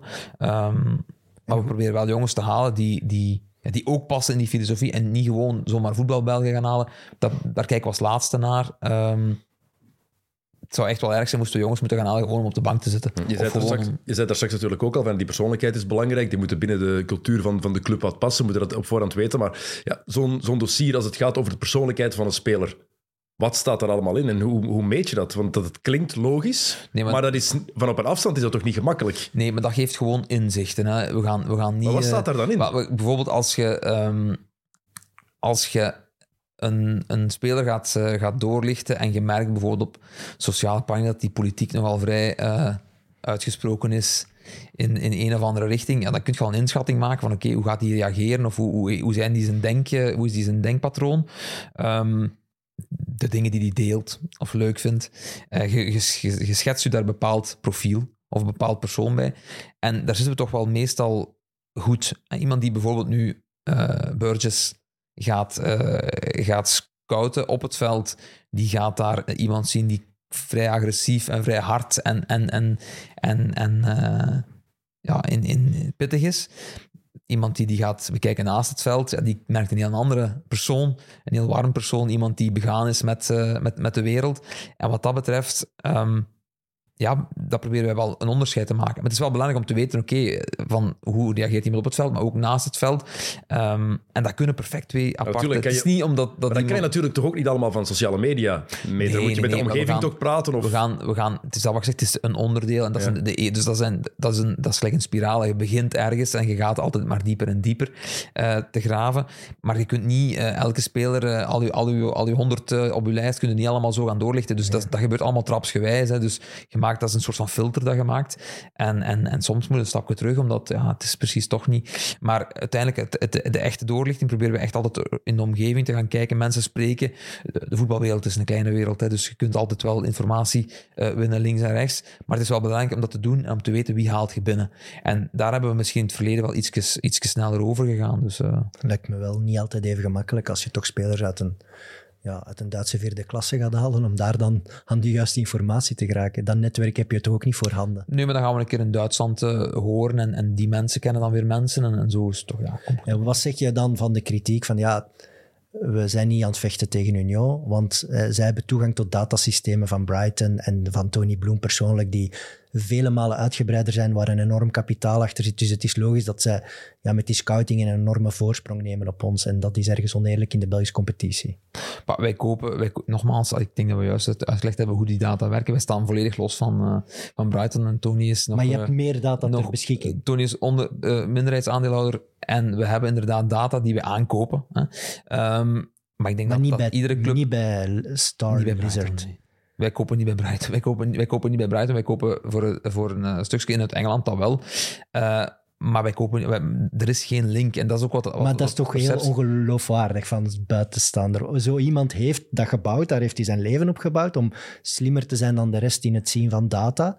En jullie zouden dat dan niet gebruiken, terwijl hij eigenaar, mede-eigenaar is van jullie club. Nee, nee, wij, de link wordt gemaakt met Brighton. Er is ja. met Brighton 0,0 link. Hè? Dus dat dat heel duidelijk zijn er is wel een link met Bloom, die minderheidsaandeel, en met Muzio, die ook in de datawereld zit. Hè? En het is, het, is, het is Muzio die ah, ja. de data binnenbrengt. We betalen voor die data. Muzio brengt die data binnen en analyseert die. Hij heeft daar de kennis. Dat is zijn domein. Ah, ja. Dus data is, is voor een... We doen alles met drie, maar iedereen heeft zo'n beetje zijn specifiek, waar dat Chris dan echt wel puur het, het, het, het, het sportief, het voetbal is, is Alex de data. Dus en je vindt dat als Bart Verhagen dat bijvoorbeeld zegt, ja, we zitten hier tegen uh, met oneerlijke Maar is dan, is dan dat Bart Verhagen... Oké, okay, maar Bart Verhagen heeft eigenlijk een identieke situatie waarbij dat uh, zijn uh, minderheidsaandeelhouder een Amerikaanse boat is die ja. een veelvoud is van, van het vermogen van, van, van, van alle andere eigenaren in België. Is dat dan ook oneerlijk? Nee, toch? Het is toch... Allee, ik bedoel, dat is, dat is gewoon onze manier van werken. En oké, ons budget is gegroeid. Hè. Wij zijn begonnen met het kleinste budget van eerste klasse. En we daar iets, iets leuks mee proberen doen. We zijn blijven groeien. In Europa zijn we nog altijd heel klein. In België hebben we nog altijd niet, en gaan we ook nooit hebben, de budgetten van de grote vijf. En wij proberen daar gewoon op onze manier mee te werken. En ja, je kunt dat uh, leuk vinden of je kunt dat niet leuk vinden, maar dat is wel hoe dat wij werken, hoe dat wij willen werken. En dat onze eigenaar, enfin, de minderheidsaandeelhouder, dat die man dan uh, zijn kapitaal heeft vergaard uh, en dat die mens een rijke mens is, dat wil daarom niet zeggen dat wij dat geld ter beschikking nee, hebben om okay, mee te hij werken. kan heel rijk zijn, maar hij is ook nog eens heel slim met data. En dat Ja. maakt die link naar... Jullie doen kei goede transfers, dus mensen zeggen, ja, die hebben iets ter beschikking dat wij niet kunnen. Wij, kopen, wij kopen data in, maar ik denk dat andere clubs die data ook inkopen. Maar het is, KV Mechelen kan naar Muzio bellen en zeggen, hey, wij hebben ook ik denk toegang dat, tot dat- het systeem. ik denk dat wel, ja. Eens moeten ze dat dringend doen. Nee, ze mogen maar, maar dat wordt ook... Allee, ik bedoel, dus dat, dat is... Dat is, nogmaals, het is hoe dat je met die data... Die da elke club werkt met data. Ja. Dus dat zijn geen geheimen, dat zijn geen... Maar elk, niet elke club werkt op dezelfde manier met die data. Nee, tuurlijk niet. Maar dat is, dat is hoe dat de mensen binnen de club ermee omgaan. Maar je snapt natuurlijk wel wat Evert inderdaad ook probeert te zeggen, denk ik, dat, dat, dat voor de buitenstaanders dat die link met Brighton daar wel lijkt te zijn. Ja, de link is er aangezien dat de eigenaar Daarom. van Brighton is een minderheidsaandeelhouder bij ons, maar er is totaal geen inmenging of geen... Allee, Maar zijn als ook, zij ja, een wij- top 20 samenstellen van spits, kunnen zij die laatste vijf namen naar jullie doorspelen en zeggen, hey, die vijf, dat is niks voor Nummer ons, maar 18. ju- wel voor jullie. Nee, omdat wij op die... één, we werken niet op die manier. Twee, ja, die vijver is totaal verschillend. Het gat tussen die twee is... is, is allee, eh, dat gaat nooit, dat gaat nooit eh, zijn dat we voor dezelfde speler interesse hebben. Of het moest zijn dat zij echt gaan kijken, heel, heel, heel eh, laag, van oké, waar kunnen wij iets, iets opvissen voor binnen... Maar dat is niet. En ze dachten ook dat wij eh, ehm, een club waren die... spelers ging opleiden voor Brighton. Ja, dat is ook niet. We hebben, ik denk, eh gemiddeld één speler per jaar gehuurd. Ja, nu heeft UEFA eh, of hebben we afgesproken met de UEFA dat, dat er geen transfers gebeuren, de, zelfs geen huur gebeuren. Ja. Terwijl dat wij ook spelers van Chelsea huurden. Van, Wat allee, jammer is, want Mitoma en Adingra waren er wel volop. ja, en, en, en Percy Tau, die dan ook nog in Anderlecht is uitgeleend en, en in Bruggen is uitgeleend. Maar ik denk ook als, eh ehm, allee, als we zelfs verder kijken, ik bedoel, Caicedo heeft bij Beerschot gezeten, ehm, omdat Felice en bij ons niet wou. Dus wat dat betreft, die, die clubs, eh, als we een speler huren, dan betaalden wij daarvoor net zozeer als de andere clubs doen. Als wij bij Chelsea gingen huren of gaan huren, dan doen we dat eigenlijk evenzeer. Ik denk gewoon dat je moet kijken naar wat is het budget van een club en hoe gaan ze ermee om en hoe werken ze om, om te oordelen van of een club goed werkt of niet goed werkt. Wat dat eh, de, de, de rijkdom is van de eigenaar, ik vind dat een irrelevante eh, discussie. Oké, het is gemakkelijk. Hè? Als, als het in het beginjaar hebben we ook heel veel moeten investeren en zijn we ook met min 6 miljoen elk jaar. Ja, Ehm, in totaal is er eh, 30 miljoen geïnvesteerd in Ja. Union. Je ziet ook in een die er nu, die er nu uit gaat komen, normaal gezien terug in de komende jaren. Ehm, En dat is met, met lokale mensen is dat gewoon niet meer mogelijk. Want wie, welke Belgische ondernemer kan en wil zoveel geld in voetbal pompen? Paul Gijsens is de enige, denk ik. Eh, Nee, maar het is, je zit ook Ja, in een wereld zal, waar Mark zal ook, eh, Ja. zal ook wel... eh, en, ploegen en- rondom ons, maar, rondom Union maken ook enorm veel verlies. Die worden ook bijgepast door, Ja. door heel veel eigenaars, en meestal buitenlandse eigenaars.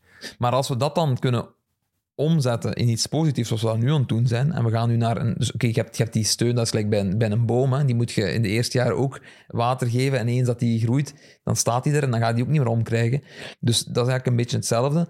En, maar die, die mensen die die kansen geven, die moeten we met open armen ontvangen. En zeker, gelijk zoals bij ons, dat we nu nog willen een stadion bouwen en die investering ook nog doen in dat vastgoed. Dat is ook weer 80 miljoen euro of zo dat we gaan investeren. eh, als we mogen. Dus dat moeten we omarmen, want dat is, een, dat is een verrijking van de Belgische competitie. Ik denk dat er genoeg voorbeelden in het verleden zijn geweest, lokaal en buitenlands, waar het niet goed gelukt is, niet goed geïnvesteerd. Maar er zijn nu wel echt een aantal mensen in het voetbal die het goed voor hebben. Die het, en ik denk dat we dat moeten omarmen. En dat de competitie daar alleen maar sterker van kan worden. En jullie gaan niet de ploeg zijn die eh, elk jaar hun verlies gaan pakken en dat niet erg vinden omdat Bloemuzio dat dichtrijden. Nee, jullie moeten uiteindelijk ook Nee. recurrent winstgevend worden. Absoluut. Als jullie over ehm, scouting bezig zijn binnen de club, als jullie bezig zijn met de transfers, hoe ver kijken jullie vooruit? Eh, dat valt wel mee. Ik denk dat eh, ja, het heeft geen zin om, om, om, om twee mercato's eh, vooruit te werken, omdat het voetbal verandert zo snel. Spelers eh, vertrekken, tekenen bij, ehm, worden opgepikt of niet. Dat zijn allemaal dingen. Dus we, we werken echt wel mercato per mercato, zowel in als uit. Ehm, omdat we met zo'n kleine kern werken, hebben wij niet de mogelijkheid om te zeggen we gaan spelers halen die we dan stallen of die we, die we pas, binnen, pas op rekenen binnen twee jaar. Zo werken we niet. We werken echt met heel kleine, heel kleine kernen. Dus het moet er echt altijd op zijn. De speler die we halen, die moet direct inzetbaar zijn. Of toch op heel korte termijn inzetbaar zijn. Dus wat dat betreft... ehm, en dat is een manco misschien, want je gaat er een keer missen. Hè. Je gaat misschien een keer een jongen hebben waarvan je nu denkt... Nu is het nog wat vroeg, maar als we hem nu zouden gaan halen, dat doen we dan niet. En dan is hij weg. Hè. Of is het te laat, of is die... eh, Maar anderzijds, het, het, het is zo makkelijk, makkelijker werken. Als je spreekt over een klein bestuur, om te sturen, is ook een kleine kern is echt wel... Je zet direct constant overal op. Uw medische staf is 100% gefocust op wat moet zijn. En want dat is ook eh, een pluim naar die mensen. En die hebben ook geweldige stappen gezet. We hebben, houd vasthouden, quasi geen, geen eh, blessures die, die, die laatste drie jaar. En dat is ook wel belangrijk, want dan heb je constant, heeft je coach constant zijn wapens. Ehm, en daar waren ook jongens bij, zoals een Bart Nieuwkoop, die eh, ja, hoeveel matchen op een jaar kon spelen. Komt bij ons, eh, een beetje anders, eh, andere manier van trainen. Die mannen gaan daar intensief, en omdat we met een kleine kern intensief mee aan de slag, één op één, ja, dat konden ze bij Feyenoord blijkbaar niet, want we zijn er wel in geslaagd van, die, van die gasten eh God, fit te dat was, houden. dat was echt goed, hè. Mhm. Dat was echt een ontdekking. Die hebben jullie met een, Ja. vri- gra- een vrije transfer binnengehaald. En ze zijn er komen terughalen. Ja, ongelooflijk. Nee, maar Ja, bijvoorbeeld, ook afgelopen zomer eh, waren jullie erg geïnteresseerd in Rob Schoofs. Ja. Bijvoorbeeld. Allee. Nee, nee, nee, maar dat valt mij dan op. Als er, nee, als er nu, eh, als Union nu naar u toe komt, ja, dan weet je, ja, daar wil ik misschien wel bij zijn. Dan, dat kan ik toch niet weigeren op dit moment. En toch gaat die transfer niet door. Vind ik dan opvallend. Waarom, waarom zou die speler dat niet doen? Ik ga erop vragen. Hè. Nee, maar ook, ja, Union is toch een kwaliteitslabel. Ja, ik Als snap die wat je wil zeggen. geïnteresseerd zijn in u, Dat was meer een lachen. Het heeft 80 minuten geduurd voor je over Rob Schoofs begint. ja. Dat was het eigenlijk meer. Het is ook, ook in jullie scouting. Als Union geïnteresseerd is, dan gaat die makelaar denken: oei, waarom zijn die plots geïnteresseerd in mijn speler? Die moet meer waard zijn dan, dan Ja. we nu denken. Ja, als je, dat, ik snap wat Evert wel wil zeggen. Die, die perceptie Ja. die verandert wel. Als Union interesse heeft of je gaat naar daar, dan denk je, hm, die marktwaarde gaat misschien toch hoger liggen dan we eerst dachten. Door de, result, door het de die gedaan hebben Ja, ja nee, dat is waar. Maar ehm, ja, nee, dus specifiek in het, geval, in het geval van Rob is dat een keuze van hem geweest, denk ik, om... eh, Salarisplafond van. Ehm, ik denk dat een combinatie, ik denk dat KV Mechelen goed betaalt, eh, is één. En, eh, en twee, ik kreeg, daar, ik kreeg daar de kans om, om bij te tekenen. Nu, dat was een heel moeilijk dossier, omdat eh, Rob is, is ook een van mijn, van mijn beste vrienden. En ehm, ik had het daar wat moeilijk mee Ja, om, om, om die gesprekken dan zelf te doen. En ik had ook het gevoel dat het voor Rob een heel moeilijke keuze was. En dan had ik, eh al ja, was, was het misschien beter geweest dat het, eh, dat het niet zo was. En eh, ehm, ja, dat we dat zo kunnen, zo kunnen houden. En ik denk dat, dat er voor Rob te veel vraagtekens waren. Net zoals in iedereen in België waarschijnlijk. Hè, van, ja, gaat Union wel? En, eh, en hier in, in Mechelen weet hij wat hij heeft. En, en hij is daar ook heel graag. En hij heeft dan kunnen bijtekenen. En allee, ja, Ik denk dat eh, iedereen moet die beslissing voor zichzelf maken en no hard feelings worden. Dus, eh, Over, over transfers. Oké, je, kan, je kan een coach komen weghalen. De spelers komen in de spotlight, want jullie doen het zo goed. Maar wanneer gaat O'Loughlin of Bormans naar een topclub? Want jullie staan toch in de spotlight? Jullie Ja. maken dan toch het verschil met al die data. En el- van de tien beslissingen tot nu toe zijn er bij Union misschien negen de juiste. Dat is heel zeldzaam in het voetbal. Dus er gaan topclubs ook aan jullie deur komen kloppen, toch?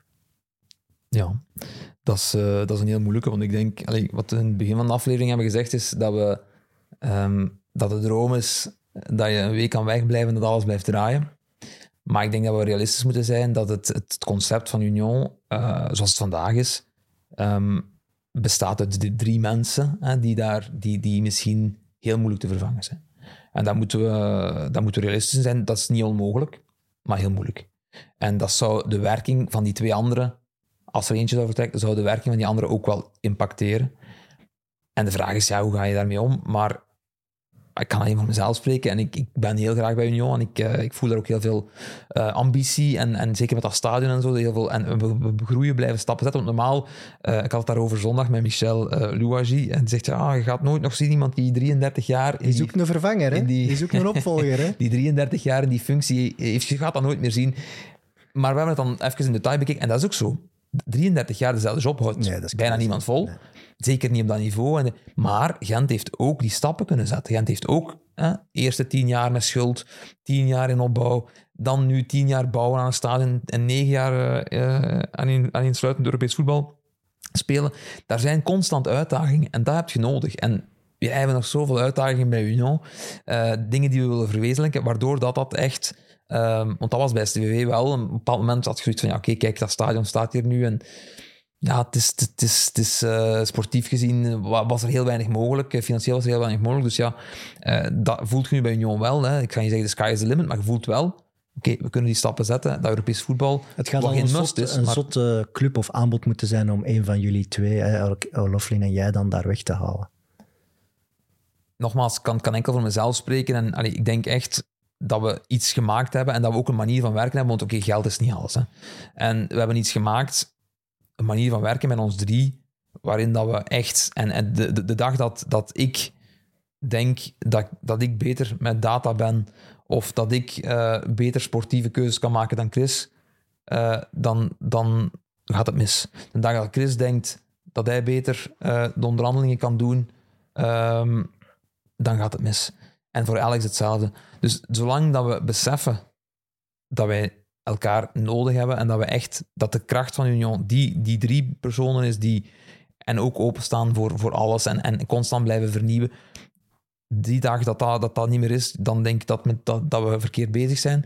Dus dat is een, kracht die we hebben. En ik hoop echt oprecht dat we dat nog zo lang mogelijk kunnen, kunnen, blijven, kunnen blijven doen. Maar ja, in, niks is... Niks is eh, ik gun het jullie wel, hè, want het draait nu zo goed en je weet nooit in je leven of dat je nog eens in een situatie terechtkomt waar alles Nee. zo werkt met elkaar. Het, zijn, het is ook een mensenjob. hè. tuurlijk. Ja. Ehm, je zei het net al, bij, bij Sint-Truiden was er natuurlijk ook niet echt heel veel budget. Toen jij daar zat, kan je het eens vergelijken hoe jullie toen met data en scouting omgingen? In vergelijking met nu bij Union, hoe was dat toen? Ehm, maar het, zijn, het, zijn twee periodes, het zijn twee periodes. Je hebt de periode... Ah, ik, ik ben, ik ben eh, toegekomen toen Roland Duchâtelet eh, een standaard had gekocht, dus hij was dan vertrokken. Eh, de toenmalige voorzitter ehm, heeft toen volledig... Dat was tweede klasse, hè, tweede klasse. Volledig de kaart van de jeugd. Hè, Rob Schoofs, eh, Junior Milson. Ehm, Leuke ploeg. ja, dat was, een, dat was een leuke ploeg. Maar we hebben er ook drie jaar over gedaan om te promoveren. En dat was echt in hele moeilijke omstandigheden. Eh, daar was, die spelers die verdienden ongeveer, denk ik, v- 15, tussen de 1500 en de 2000 euro. Ehm Jannik Ferreira was trainer. eh Chris O'Loughlin was T2. En dat was echt, ja, dat was, dat was niet echt... eh, dat was vooral mecenaat. Hè? Dus die mensen die, die deden dat uit liefde. En, en eh, we hadden dan zo een keer, eh, ja, ik denk Jurie Dukkevie en zo, die mannen zijn dan eh, gekomen. En, Ja, en Stil zat toch gratis zat mee in de staf? eh Wil Stil is zich, is, zich, is zich komen aanbieden eh, als stagiair. Is dan blijven hangen. Eh, dan is de, het jaar later is, is er nog een erbij gekomen. Het jaar later nog eens. Zoals ze alle drie op een bepaald moment ehm, in, de, in de club. En ehm, dat, was, ja, dat was die manier van werken. Dat was eigenlijk... Wij werkten... We hadden geen sportief directeur. Hè? Dus ik was eh, general manager samen met Jannik en Chris. Maar vooral met Chris kon ik, kon ik heel, goed, eh, heel goed overweg.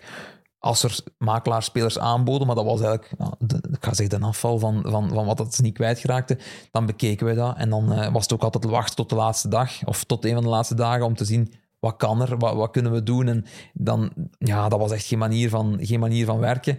Ehm, maar toch zijn we erin geslaagd, vooral door dat jeugdig enthousiasme hè, van, van Schoofs en Junior en, en, en zo, om dan eh, te promoveren. Maar het was gewoon vanaf dag één heel duidelijk dat, ehm, dat er geen geld was. Ja, en dat we eigenlijk... niet op dat We zijn begonnen, we zijn direct, we hebben de eerste speeldag eh, versloegen we eh, Club Brugge, landskampioen Club Brugge.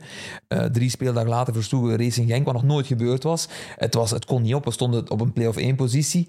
Ja, en, maar, maar de realiteit hing er wel van, oké, eh, de, de toenmalige eigenaar zei heel duidelijk, in de winter moeten we voor een aantal miljoenen spelers verkopen om het einde van het seizoen ja, te halen, want het, het moet verkocht worden, het is simpel. En dat waren ook afspraken die gemaakt waren. En die jongens zijn dan eh, vertrokken, hè, drie tegelijk. Ja. Nadat Jannik eh, in, in, in, in, allee, op, op, op, op heel slinkse manier naar standaard is vertrokken. Ehm, en dat was gewoon niet... eh, dat, dat konden we gewoon niet aan. Daar heb je veel uit geleerd voor nu. Heel veel. Ongelooflijk. Ongelooflijk veel. ehm, ongelooflijk veel uit geleerd. De manier waarop dat is gelopen, wanneer dat die wintertransfers zijn gelopen. Op een bepaald moment kan, kan, kan het allemaal heel eh, rooskleurig zijn en het kon, niet op. En, en, en twee dagen later ja, draait die situatie en valt het als een domino in elkaar. En ja, op die moment beseft je eigenlijk van oké, er is echt wel kapitaal nodig kapitaalkrachtig, krachtige personen nodig om achter een voetbalclub te staan, want die, die mogelijke verliezen en die belangen zijn zo groot en die mensen vind je in België niet. Nee. En dan is aan het eind van het seizoen, eh, want Chris heeft dan overgepakt van, van Jannik en dat was voor hem ook een, een vergiftigd geschenk natuurlijk, want ja, die jongens gingen dan weg. Eh, Oké, heeft het wel, heeft de club kunnen redden, maar die, die, die, die voeling was helemaal, was helemaal anders. Eh, en dan is aan het eind van het seizoen eh, Roland Nuchat teruggekomen met een heel duidelijke boodschap. Ik, ik doe dat omdat, ja, om de club te helpen, maar we gaan wel een koper zoeken en de club moet verkocht worden. En op die moment had ik voor mezelf uitgemaakt, oké, we gaan die koper zoeken. We hebben er dan één jaar over gedaan, denk ik, of twee jaar over gedaan. Twee jaar over gedaan, om die te vinden. Ehm, en voor mij was dan eigenlijk, wou ik uit voetbal gaan, was, was goed geweest. Was, eh, op die moment had ik het allemaal wat gezien. Eh, maar ja, dan toch via via, dan toch, eh, toch wat blijven hangen. En ik ben wel allee, heel blij van. Dus eigenlijk van data was gewoon geen sprake toen. zo, zo Nee, die, duidelijk. spe- nee, die spelers werden aangeboden, wij gaven die door. We hadden, ook wel, we hadden wel een scout, die bekeek die dan zo snel, snel. Eh, maar het was dan toch vooral Chris en, en Jannik die dan echt keken ook weer, oké, wat hebben we nodig? Want het was ook niet van investeren, hè. het was gewoon, wat hebben we sportief nodig? En wat, waar, hoe kunnen we promoveren met, eh, met de middelen die we hebben? In het, ik had nog een opvallend eh, feit gelezen over een jongen in het boek van Bart Aerts, ik denk vorig jaar of twee jaar geleden geschreven, over de winstpremies. Het winstpremiemodel dat jullie eh, hanteren. Dus er staat dat er 700 euro per punt wordt uitgereikt. En als jullie winnen, dan is het altijd maal twee en dat blijft duren. Dus de laatste maanden hebben jullie waanzinnige eh, premies moeten nee, betalen. Wij doen el- nee, wat, wat wij doen elk jaar, eh, zitten we met de spelers samen. Dat is dan 4000 euro voor een gewonnen match per speler. Wij, En dat blijft gaan. Jullie winnen in hebben- november alles. Alleen Nee. behalve dit weekend. Maar wij, dan. zijn, wij hebben eigenlijk, en dat is ook misschien weer een deeltje van het succes. En ehm, als je met spelers spreekt, is dat een moeilijke. Ehm, want je hebt altijd spelers die zeggen, ja, wij willen zoveel. Of wij, wij zeggen altijd, nee, dat is het vaste en dat kunnen we doen. En dit zijn de premies. En dat is één bladje dat we voor het seizoen met de spelersraad eh, onderhandelen. En, daar, en, dat, en dat is, dat is, daar zijn geen garanties naar de toekomst. Dat zijn geen, dat is het. Dus elk jaar opnieuw zitten wij samen. Natuurlijk, voor een speler is dat moeilijk, want dat is heel veel. Wij geven heel veel en dat is ook zo invariabel. Maar dat is ook zo, waarom? Wij kunnen dat vast niet garanderen. Wij kunnen niet garanderen wat dat die grote clubs wel kunnen. Dus wij moeten het verschil maken in, in bonussen. Maar bonussen wil zeggen, de club doet het goed, de speler wordt, wordt goed betaald. Dat kunnen we wel, want daar zijn, daar, daar zijn we niet gebonden. Maar als je Daar- vier, vijf geen- matchen wint per maand, is dat 20.000 euro erbij. maar jij telt nu, eh, je moet dat over een jaar, je moet over, over jaar tellen. En ik denk dat als je de afgelopen twee seizoenen hebben onze spelers goed verdiend, ook, in, ook het laatste seizoen in, in Europa. Maar het is nog altijd een fractie van wat dat ze betalen met de grote vijf. Of grote zes zelfs. Ja, ja. Dus wat dat betreft, Daarom kan de Gouden Krok naar Union blijven gaan. Ja, het, het- maar nee, dat, dat klinkt heel veel. Ik denk, amai, die spelers van Union die hebben een waanzinnige maand gehad. Hè. Oktober ook, superveel gewonnen. Wel, maar, volgens, Maar jij zegt dat dat jij, blijft zegt- jij zegt nu, eh, jij zegt- jij zegt nu, ja, maar dat, gaat- dat is 20.000 euro per maand Extra, hè, bovenop hun netto loon. extra. Eh, dat wil zeggen dat ze vijf matchen winnen per, per maand. Dat wil zeggen dat ze eh 50 matchen zouden winnen. Nee, 60 matchen zouden winnen op een jaar. Dat is niet. Nee. Hè? Maar pak nu, pak nu nog dat dat nog zo zou zijn. Ja, dan, dan is dat eh 240.000. Pak, pak 200.000 euro aan bonussen. Ja. Ja, Dan heb als al je weet wat een voetbalspeler dat verdient bij een, an- bij een topclub, dan is dat nog altijd maar een, een Je hebt gelijk. het is eigenlijk niet zoveel meer als bij Sporting Hasselt. Maar Nee, want die winnen, ook- die winnen ook alles, zie ik. Dus. Ja, jij kent die bonussen daar. Nee, nee, nee. Eh, weet je trouwens, Evert, wat eh Filip allemaal gedaan heeft bij STVV? Welke functies hij er allemaal gehad heeft? Oei, eh, ik, weet ik iets niet dan? Want zijn er gewoon heel veel. Iets, iets grappigs zijn. Het zijn- ja, je hebt- niet? Wat, Welke wat niet? jij allemaal gedaan hebt. daar, Het lijkt dat- mij een commercieel profiel te zijn wel. Verkoper. Het is ook. begonnen communicatie bij de jeugd. Klopt dat? Dat is het eerste geweest? Het was, eh, het was jeugd samen met, eh met de fanshop en boekhouding. Eh, van, ja, eh, nee, eh, ja, de, de, de, ze zochten een profiel eh, die eigenlijk, eh, ik heb boek, boekhouden gedaan, die eh, boekhouding mee kon doen, en, eh, maar daarnaast ook nog wat de verkopen kon doen van de, van de tickets. En de jeugd hadden ze niemand, en daar zochten ze commercieel ook iemand. Dus dat heb ik er zo wat, dat waren eigenlijk drie, drie kleine dingen die ze zo wat samen hadden gegooid voor, voor iets te doen. Communicatie met de fans. Ja. Heb je daar nou ook nog voor je rekening genomen? Ja. Belangrijk. Belangrijk. Gerechtelijk correspondent. Dat was de eerste, de eerste stap richting, eh, richting het Dat sportieve. ah, richting het, eh, Ja, het hoort erbij, maar het is, het is niet omdat je CEO wordt van een voetbalclub dat je ook al die andere dingen ik, gedaan ben, hebt. ik ben trouwens nog steeds eh, gerechtig correspondent bij Union. Nog, nog Ah, altijd. Niet bij STVV. Stel je voor. Dan niet, nee, dan niet. Nee, maar je hebt het dan niet cadeau gekregen. Je hebt wel alle, alle facetten niet. van dat voetbal Nee, maar, maar, ook, ik heb nooit... Want dus dat heeft iedereen zei van, ja, als Roland wegging... ehm, ik, ben, ik, ik ben dan gekomen en, en, en eh, Bart Lammens toen... die man... De kansen die hij gegeven heeft, hij heeft gewoon gezegd... Het, het, het, eh, dat is dan, als je spreekt over als het dan slecht gaat binnen een club... Er was geen geld. Hij heeft dat volledig bovenste management allemaal ontslaan bij de degradatie. Omdat het gewoon niet anders kon. En dat was heel erg. En hij heeft mij geroepen en heeft gezegd, kijk Filip, ehm, ik was toen denk ik 23 jaar of zo. Er is geen geld. Jij gaat nu eh, samen met mij Zot wel. ehm, Op je 23. de, club, de club mee helpen runnen. Maar goed, dat was dan met gerechtig correspondent te zijn. En Bart, eh, die, die was niet op de club, die had, zijn, die had zijn job, dus die kwam wel s'avonds soms binnengelopen. En we gaan sportief directeur halen, dat was dan Jan-Pieter Martens. Ehm, en na, ik denk, een half jaar of zo heeft hij mij geroepen, ja, dat gaat daar niet op de... Op, dat was op de jeugd, dat zij zaten met sportieven. Ehm, jij moet naar hier komen, want eh, ja, de kuisvrouw wil niet meer kuisen en de, de, de kok wil niet meer koken, want ja, ze hebben allemaal ruzie met elkaar. en jij moet eh, naar hier komen en je moet dat, eh, je moet dat ontmijnen. Ik ben naar daar gegaan en gesproken en dat was, dat was, ja, dat was snel opgelost. Hè, gewoon. En toen zei hij, ja, we hebben echt geen middelen, ehm, we gaan zonder sportief directeur verder. Ehm, dat moet met, en dat was met Jannik en, en, en Chris. En dan zijn we zo, allee, dus dat was echt heel nauw. Dat is, eigenlijk is dat, is dat eh, Voor u persoonlijk heel goed geweest, toch? Je hebt Ja, enorm voor mij- Zeker op die leeftijd. Waarom? Omdat dat, het was natuurlijk niet, maar ik denk, ben, ben, als we promoveerden, had hij mij juist daarvoor general manager gemaakt, omdat ja, ik deed de taken wel, want, Ja. maar ik had de titel niet. En ik heb hem dat ook heel duidelijk gezegd van, kijk, ik, ik, ik ga nooit komen vragen voor, voor geld, voor die ik ga eerst bewijzen. Ik vind dit is een beloning. Het feit dat je het mocht doen, is, is zelfs de titel niet hebben, is een beloning, is een bepaalde manier van vergoeding. En als ik het goed doe, dan zullen we het wel zien. En dan uiteindelijk is dat ook wel is dat ook zo gelopen en dat is goed gelopen.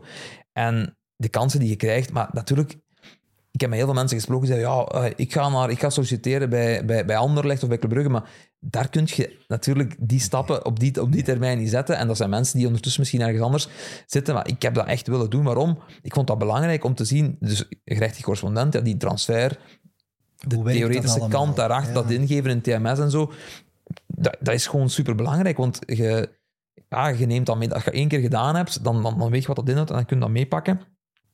Ik stond, we waren ook heel kort met de, met, met, met de sportieve staf dan. Ehm, je neemt hun kant van het verhaal mee. Je leert ook de minder mooie eh, kanten kennen, want allee, we hebben daar toch ook wel... eh, we, zaten iets heel dicht bij elkaar, waardoor dat je alles meeneemt en dat is ook niet, niet altijd goed. Je wilt ook eh, op een bepaald moment denk ik wat afstand. En dat heb ik dan wel... Allee, bij Union is dat wel natuurlijk, dat, dat we hebben echt wel wat afstand. Maar nee, ik heb daar allee, heel, veel, heel veel geleerd en heel veel kansen gehad. Roland is dan teruggekomen. Ik dacht, ja, nu de eerste dan gaat toen eens mij buiten gooien. Ehm, en hij heeft gezegd, nee, je doet, dat, je doet gewoon door, zegt hij. En twee keer per jaar wil ik een serieus gesprek over de cijfers. 1 februari en 1 september. Belangrijk. Dan moest ik met het Excel komen dat, eh, van de lonen. En als die lonen, als dat klopte, dan... Ja, die, die, die- als die man het Die gevoel gaf u had ook wel van- vrijheid. Dat is hey, Roland, dat is, dat is een- als, je, als je Roland zijn, zijn, eh, kunt aantonen, van, oké, ik heb het beste voor, ik, ik, ik, ik doe het hier voor het goed van de club, maar, maar ook van u, die gaf u alle vrijheid. Die, die was, oké, was, was ook wel allee, een andere persoon als hij terugkwam, want het voetbal interesseerde hem op die moment. Ja, het, het voetbal interesseerde hem op die moment niet meer. Maar hij was zo blij als hem zag van oké, van we maken hier afspraken en die worden nagekomen. En, en de, dag dat Roland vertrok, eh, als het eh, de Japanners dan eh, overnamen, is hij ook naar me toegekomen en heeft hij gewoon gezegd van kijk, ehm, ik wil je uitdrukkelijk bedanken voor alles wat je gedaan hebt voor de club. Ik ga nu weg en ik laat u met hen en ik hoop dat je er met hen uitgeraakt. Maar ik had voor mezelf al uitgemaakt dat, dat ik dat niet wou. Maar hij had, ik voelde wel dat hij zoiets had van, ja, ik laat u nu hier wel, ik draag u nu wel over aan, aan eh, en, en dat, dat is ook wel Roland, want iedereen heeft altijd zo'n beeld van, van eh, dat dat een koude, mens, koude mens is of zo. Maar Roland is eigenlijk echt, als je die, als je die kent, is dat echt wel een, een, hele, een hele sympathieke mens ook, maar is niet altijd begrepen. Dat is een Ja. beetje het, eh, Hoe ben je eigenlijk in het voetbal gero- gerold? Want je hebt van kleins af aan een heel andere passie. Hè? Ja, klopt, maar ik ben gewoon... eh, Heb, ja, je zelf, heb je zelf gevoetbald? Nee, nee nooit, nooit, nooit, met, nooit aangestoten geweest. Nee. Eh, maar ik, eh, ik was wel supporter, dat wel. En er was dan die vacature, wat we juist komen te zeggen. En ja, zo gaan solliciteren en daar zo, en daar zo ingerold eigenlijk. Ja. Ja, want jouw grotere passie van kleins aan is de, de paardensport. Paardensport, maar ja, ik ben En opgegroeid, alles wat daarbij komt. voilà, ik ben opgegroeid op een, op een boerderij. Hè, en dat is, dat is een hele andere wereld natuurlijk. En eigenlijk ja, via te veel tijd in school, denk ik, eh, wat, wat, wat, eh, wat handel beginnen doen in, in paarden en zo erin gerold. En dan heb je het over- de middelbare school of Eh, over de hogeschool, hogeschool, ja. Hoe kan je te veel, tijd, was, te veel tijd hebben op de hogeschool? Ja, dat was, dat was een school. Dat was de eerste school met een laptop. En ehm, ja, ik weet niet, dat was ook de opkomst van, van, van die tweedehands sites en zo. En ik had daar een keer ooit mijn, mijn, mijn paard op verkocht en ik had daar winst op gemaakt. En ik vond dat zo, eh, zo een eh, openbaring. Zegt hij zo gewoon langs zijn neus weg. Ik had daar even een paard site. op verkocht. Ja, dat Ik was zo. stel dat hij mocht een- of kon een paard op een tweedehands site kopen. Ja, dat was, eh, ik had dat, ja, dat was, dat was mensen komen kijken, die hadden gekocht. En ik dacht van, allee, dat is wel interessant. En dan heb ik eigenlijk eh, blijven beginnen handel doen. En dat was altijd zo'n systeem dat ik op maandag die paarden ging kopen. Op dinsdag in school had ik dan alle tijd om, om, om dat, die advertenties te maken en zo. Want dat was toch meestal, meestal saai. En dan op in het weekend dan, werden die verkocht. En dat ben ik blijven doen, ook bij STVV. Omdat ik eigenlijk echt had gevraagd, ik wil maar 30 uur. Dat was drie keer 10 uur. Eh, ik, wil, ik wil nog die dag hebben, want ik wil dat blijven doen. Maar ja, dat ging zo snel en dat groeide zo snel dat... ehm, tegen dat... eh, ik had een, een bouwaanvraag ingediend voor een, een, een rijhal te zetten. Maar tegen dat ik die vergunning had, ja, had ik geen tijd meer voor die paarden. En dan eh, hebben ze mij toch verplicht, want ik had getekend dat ik die hal moest zetten eh, met de aannemer. En ehm, dan heb ik gezegd, oké, weet je wat, dan gaan we gewoon switchen naar fokkerij. En vanaf dan heb ik eigenlijk naar sportpaarden gegaan. En dat, ja, dat ligt me beter, want dat is die handel, ja, dat, dat is niet echt mijn, mijn, mijn ding, maar dat, die, die fokkerij zo, dat ligt me echt wel... En die heb je nog altijd. Ja. Zo straf, toch? Allee, dat een totaal andere- een totaal dat je andere twee wereld combineert. Ja, maar het zijn, het zijn, het zijn heel veel mensen die, je- die je tegenkomt in beide Ja? werelden, ja, toch? En ehm, die, ja, dat is gewoon, als ik naar huis rijd of als ik thuis ben, dan denk ik niet aan voetbal.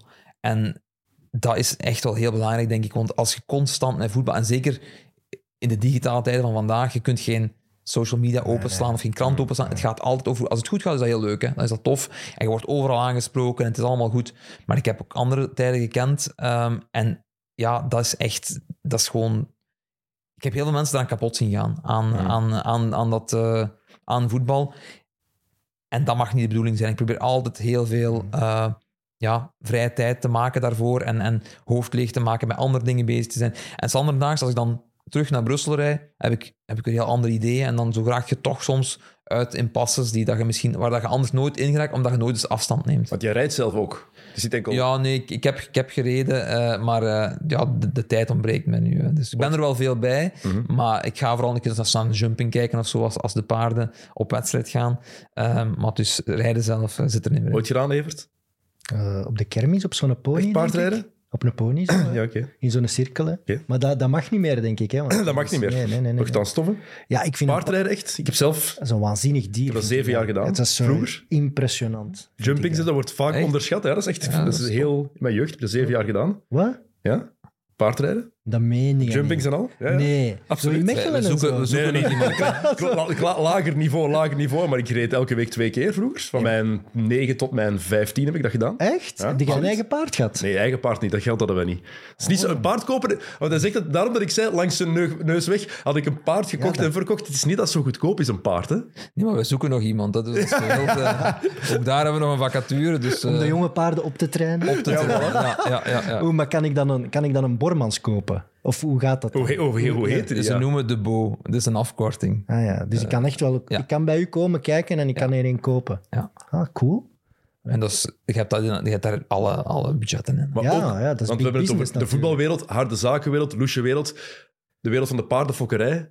Als het gaat over... Fokkerij niet, maar sport, Ja, sport wel. Ja. Dat bedoel ik. En het verkopen van paarden, ik denk dat je daar als zakenman ook wel heel veel dingen in geleerd hebt. Het is identiek. Ja, het is wat- identiek. Het is gewoon hetzelfde. Het gaat ook over mijn medische keuringen. eh, het gaat over tussenpersonen. eh, het gaat over commissies. Het gaat over, eh, Het gaat over talent zoeken. het gaat over talent zoeken. Het gaat over sportief het goed doen. Soms niet de juiste klik met een ruiter en dan toch ergens anders wel. Dat is, identiek hetzelfde als... En verkoop je ook paardensperma dan? Bijvoorbeeld. eh, nee, nee. Ik heb, wel, ik heb wel een gekeurde dekhengst, maar we laten die niet dekken. Ah, ja. Dat kopen we in. ik zo'n zotte wereld. Dit is- Want eh, eh, Bruce Springsteen en, en zo, die, die Ja. kinderen daarvan, die allemaal, springen, allemaal in België. Wat die ik- kopen dan paarden bij mensen zoals u. Ja, ik heb er nog geen N verkocht, maar ik hoop dat wel zo te doen, want die mannen die betalen goed. Dus, Maar, is, maar, maar ja, je hebt, je hebt die paardenfokkerij nog altijd. ja. En- Ja, als dat goed draait. Ja, maar, ik, maar, je, oké, maar de, voetbalwereld, iedereen zegt dat ook. Het is een job waar je constant Dag mee bezig nacht, bent. Oké, ja. jij kan het loslaten als je naar huis rijdt, maar het is wel nog een job die erbij komt dan. ja, dat is waar, maar we hebben wel mensen in dienst. Dus dat is een bedrijf dat, run, dat, dat zijn eigen runt. En ehm, daar, hoef ik, daar heb ik het wel zo gekregen dat ik er niet fysiek moet zijn. Ik doe dat wel graag, zo s'avonds een keer naar de stallen gaan, een keer kijken, is alles gebeurd? Zijn er dingen die moeten gebeuren? Bellen met de, met de ruiter, oké, hoe is het op stal? Eh, zijn er dingen die niet lopen of wel lopen? Zijn er klanten geweest? Ik probeer dat wel... Allee, doordat we een fokkerij hebben, die verkopen, die gebeuren niet zo heel vaak. Dus we hebben, we hebben 60 paarden of zo, denk ik, maar we verkopen er niet veel. Dus als we er een verkopen, die moet dan wel het jaar proberen goed te maken. Ehm, maar heel dikwijls, als je er tien fokt, is er misschien eentje die op een degelijk niveau geraakt. En dan heb je een aantal toffe paarden, eh, een aantal betere paarden, maar zo die echte hele goeie, die zijn, die zijn zeldzaam. hè. En daar gaan we naar op zoek. Dat is een beetje hetzelfde als bij voetbal. Het voordeel dat je niet meer naar de Pro League moet nu, dat je daar misschien meer tijd voor hebt. Ja, ja dat, ik deed dat ook wel heel graag, maar eh, ik denk dat ik toch wel blij ben dat ik daar eh, vertrokken ben. Ja, nee, maar je was toch een beetje de vertegenwoordiger Boos. van de kleine clubs en Ja. nu zijn we u kwijt. ja, dat is waar. Ja, Maar dat is toch niet goed ik heb, voor de kleine eh, clubs dan? Jawel, maar ik denk dat Wim van Hoof eh, van Westerlo dat nu zeker ook, eh, ook goed gaat doen. Maar ik heb... ehm, ik steek graag mijn energie en tijd in nuttige dingen. En ik heb dat heel lang en heel graag gedaan. En, maar en dat ben is je niet wel gemakkelijk. voor de Pro League als je dan zegt dat het niet zo nuttig Nee, was. het, de, de- het, is, het is heel nuttig geweest, maar de laatste maanden voelde ik, mij, voelde ik mij niet meer nuttig. Ik voelde niet dat ik nog een meerwaarde had, omdat eh, er zijn een aantal dossiers, en vooral het dossier van de integratie eh, van U23, eh, die niet gelopen zijn zoals ze zouden moeten lopen. Je vindt dat oneerlijk. Ja, die, nee, gewoon die, die manier waarop. Wat de uitkomst is, oké, ik heb daar mijn mening over en, en eh, ik ben voor integratie, maar niet op de manier zoals het nu loopt. Eh, en daar waren nog, er zijn nog te veel randzaken rond jeugdvoetbal in het algemeen die niet aangepakt zijn. Ehm, en, en Loren heeft beslist om dat op een politieke manier erdoor te duwen. En daar ben ik gewoon helemaal tegen. Wij zijn als raad van bestuur totaal niet geraadpleegd geweest. En dan heb ik gewoon gezegd, oké, als het zo zit, dan heeft het geen zin dat ik nog in een raad van bestuur zit. Als, als wij er toch maar zitten om window dressing, dan eh, laat ik dat liever aan andere mensen. Dan steek ik mijn tijd liever in nuttige dingen. De realiteit is nu wel veranderd. Hè. Gaat Union dan een satellietploeg kopen op lager niveau? Maar wij, die belofteploegen zijn wel super interessant voor de wij, wij spelen met onze jeugd, in de, in, met onze U23 in de tweede amateur. van de Waalse Vleugel. Eh, door de hervorming denk ik dat wij gaan stijgen naar eerste amateur volgend jaar. Eh, dat zal zowel wat maximum niveau zijn. Maar het gaat er gewoon over als we straks gaan naar homegrown players. Hè, want we spreken nu over voetbal België, maar ik voel heel duidelijk vanuit de Pro League dat er een zin is om dat om te vormen en misschien verplicht naar uh, homegrown players. Ja, dan is toch gewoon geen eerlijke concurrentie dat er maar vier clubs zijn die een professioneel parcours kunnen aanbieden, die professionele spelers kunnen aanbieden. En wij moeten allemaal ofwel spelers gaan, gaan, uh, gaan weet ik veel, contracten van 15, gewoon betalen uh, en, en niet zozeer naar sportieve kijken. Want iemand die sportief de keuze heeft en die een parcours op 15 jaar zegt dan jongen, kom naar ons, je tekent de contract, je gaat eerst uh, één of twee jaar uh, bij de U18, weet ik veel, en dan gaat je, word je gegarandeerd, gaat je professioneel voetbal spelen in 1B, ja, dan, dat is toch het, het, het perfecte parcours. Dat kan geen enkele club uit 1B, kan dat zelfs zeggen. Nee. Uh, Lommel of Patro of weet ik wie, die kunnen niet garanderen dat je gaat spelen. Zij kunnen dat wel, omdat daar puur draait om vorming. Ja. En dat is, en dat is, dat is top, hè. dat is super dat dat kan voor hun. Maar je kan niet zeggen dat we, we doen dat voor vier clubs en de rest niet. Dus ik was eerder van mening, laat die integratie doorgaan vanaf eerst amateur en doe het dan op een breder niveau. Uh, want je spreekt nog altijd over profvoetbal. Hè. Zulte Waregem speelt vorig jaar uh, ja, tegen Anderlecht A. Die gaan nu spelen tegen Anderlecht B. Verliezen Mm. daarvan. En het gaat hem wel om promotie. Dat is ook een club met, met een budget van een aantal miljoen euro. Dus wat dat betreft, daar zijn nog te veel losse eindjes. Er is En- weinig logica in. Het is gewoon eh, enorm goed voor, de, voor die vier clubs. Ja. En die Dus, betalen, dus met andere woorden zit betalen dat ook af. Hè. Die betalen 1 miljoen euro aan de andere clubs om dat te mogen doen. Ja. Hè. Ze betalen dat gewoon af. En ik, dat is ergens een soort pervers systeem, Ja. vind ik. Hm, absoluut. Eén ding nog ehm, over de jeugd. De jeugd van Union. Want we hebben heel wat vragen ook binnengekregen van luisteraars en kijkers. En een vraag die vaak teruggekomen is van ja, hoe zit het daarmee? Wanneer mogen we van de eigen jeugd echt doorstroming verwachten? Er zijn minstens twee factoren die dat zullen bepalen. Maar eerst en vooral is dus de... Wij proberen echt wel sinds de overname... ehm, we hebben de club overgenomen en er waren... Ik, weet nog, ik herinner me nog heel goed het bezoek aan het, eh, aan het jeugdcomplex. dat ligt in Anderlecht, trouwens. Daar zijn drie velden. En het eerste wat, dat ze, wat dat ze mij zeiden, en de, de belofte die speelde nog op een ander veld. Het eerste wat ze mij zeiden was, ehm, hier zijn heel vier, duizend aangesloten leden. Nu weet ik niet hoe, dat je, duizend, hoe dat je duizend kinderen op drie velden kunt laten trainen. Duizend. Drie velden. Ja, dus allee, dat, om te beginnen moesten we daar echt al... We hebben dat nu al versmalt naar, eh, naar eh, 600, denk ik ongeveer. Waar dat er een heel groot stuk eh, Iris-competitie is. En dat is eigenlijk provinciaal. Dat is niet onze business. Laat dat bij de lokale clubs, die moeten dat doen. Maar, die beweging, en daar moet het gemeente moet daarin mee zijn, dat is niet zo simpel. Dan zijn we naar de belofte gaan kijken. Ja, daar waren 80 beloftespelers. Je kunt er maar 11 opstellen. Hè? Dus daar zijn we ook in moeten gaan, gaan, gaan, gaan kuisen en gaan kijken hoe, hoe doen we dat. Dat is één. Dan zijn we die elite hè, gaan oprichten. Dus wij, wij doen nog maar, want wij kunnen geen homegrown players hebben, aangezien dat we nog maar elite aanbieden sinds drie jaar. Dus, eh, en dat zijn ook jongens die stromen in vanaf 10, 12, maar, niet vanaf 15, 16. Hè, dus eh, die komen niet meer. Dus wat dat betreft is dat, moet je dat van onderaan opbouwen.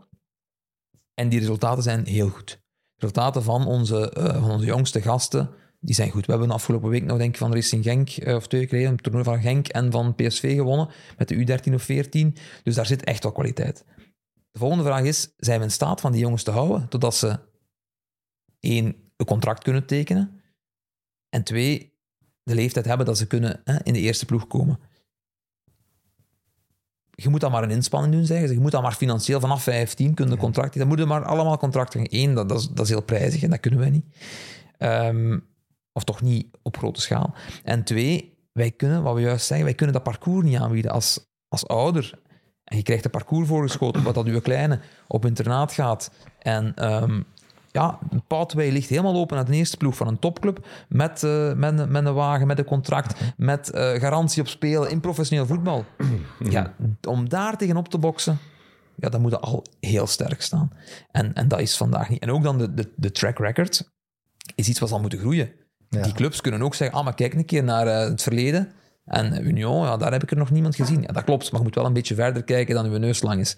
En dat komt wel, maar die beweging, dat, zijn, dat zit als een glazen plafond waar dat we ook weer door moeten. En ja, dat gaat toch nog even duren. Maar jeugd hoort wel bij je lange termijn winstmodel. Absoluut. Ja. Absoluut. Oké. Evert, heb jij nog dingen die je wil aanhalen? Ja, ik moet eh, de, nog een winnaar bekendmaken van Ja. de giveaway. Oké. Dat ook nog. Voor het boek van... Ah ja, ja. Ja, voor de mensen die het niet weten, niet redelijk belangrijk wat de giveaway was. Enkele weken geleden hadden we Thijs Ja. Del Rutte gast. Die had een boek geschreven over zijn eigen carrière in het provinciale voetbal. En eh Stijn de Wit heeft dat gewonnen van eh, de U21 van Mol. Die had een heel mooi persoonlijk verhaal. Dus die heeft dat echt wel verdiend gewonnen. Wil je het persoonlijk verhaal delen?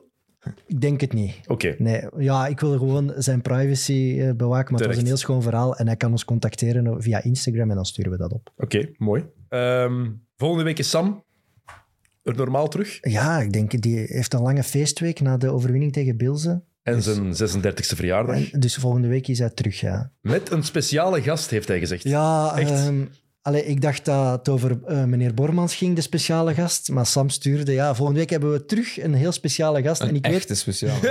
Maar wij weten, wij weten ook van ik niks. Hij weet heeft alleen dat gezegd, hè? Ik weet van niks. Ik vind dat heel raar. Allee, ik Ja. ben toch deel van het programma. Ik weet helemaal van niks.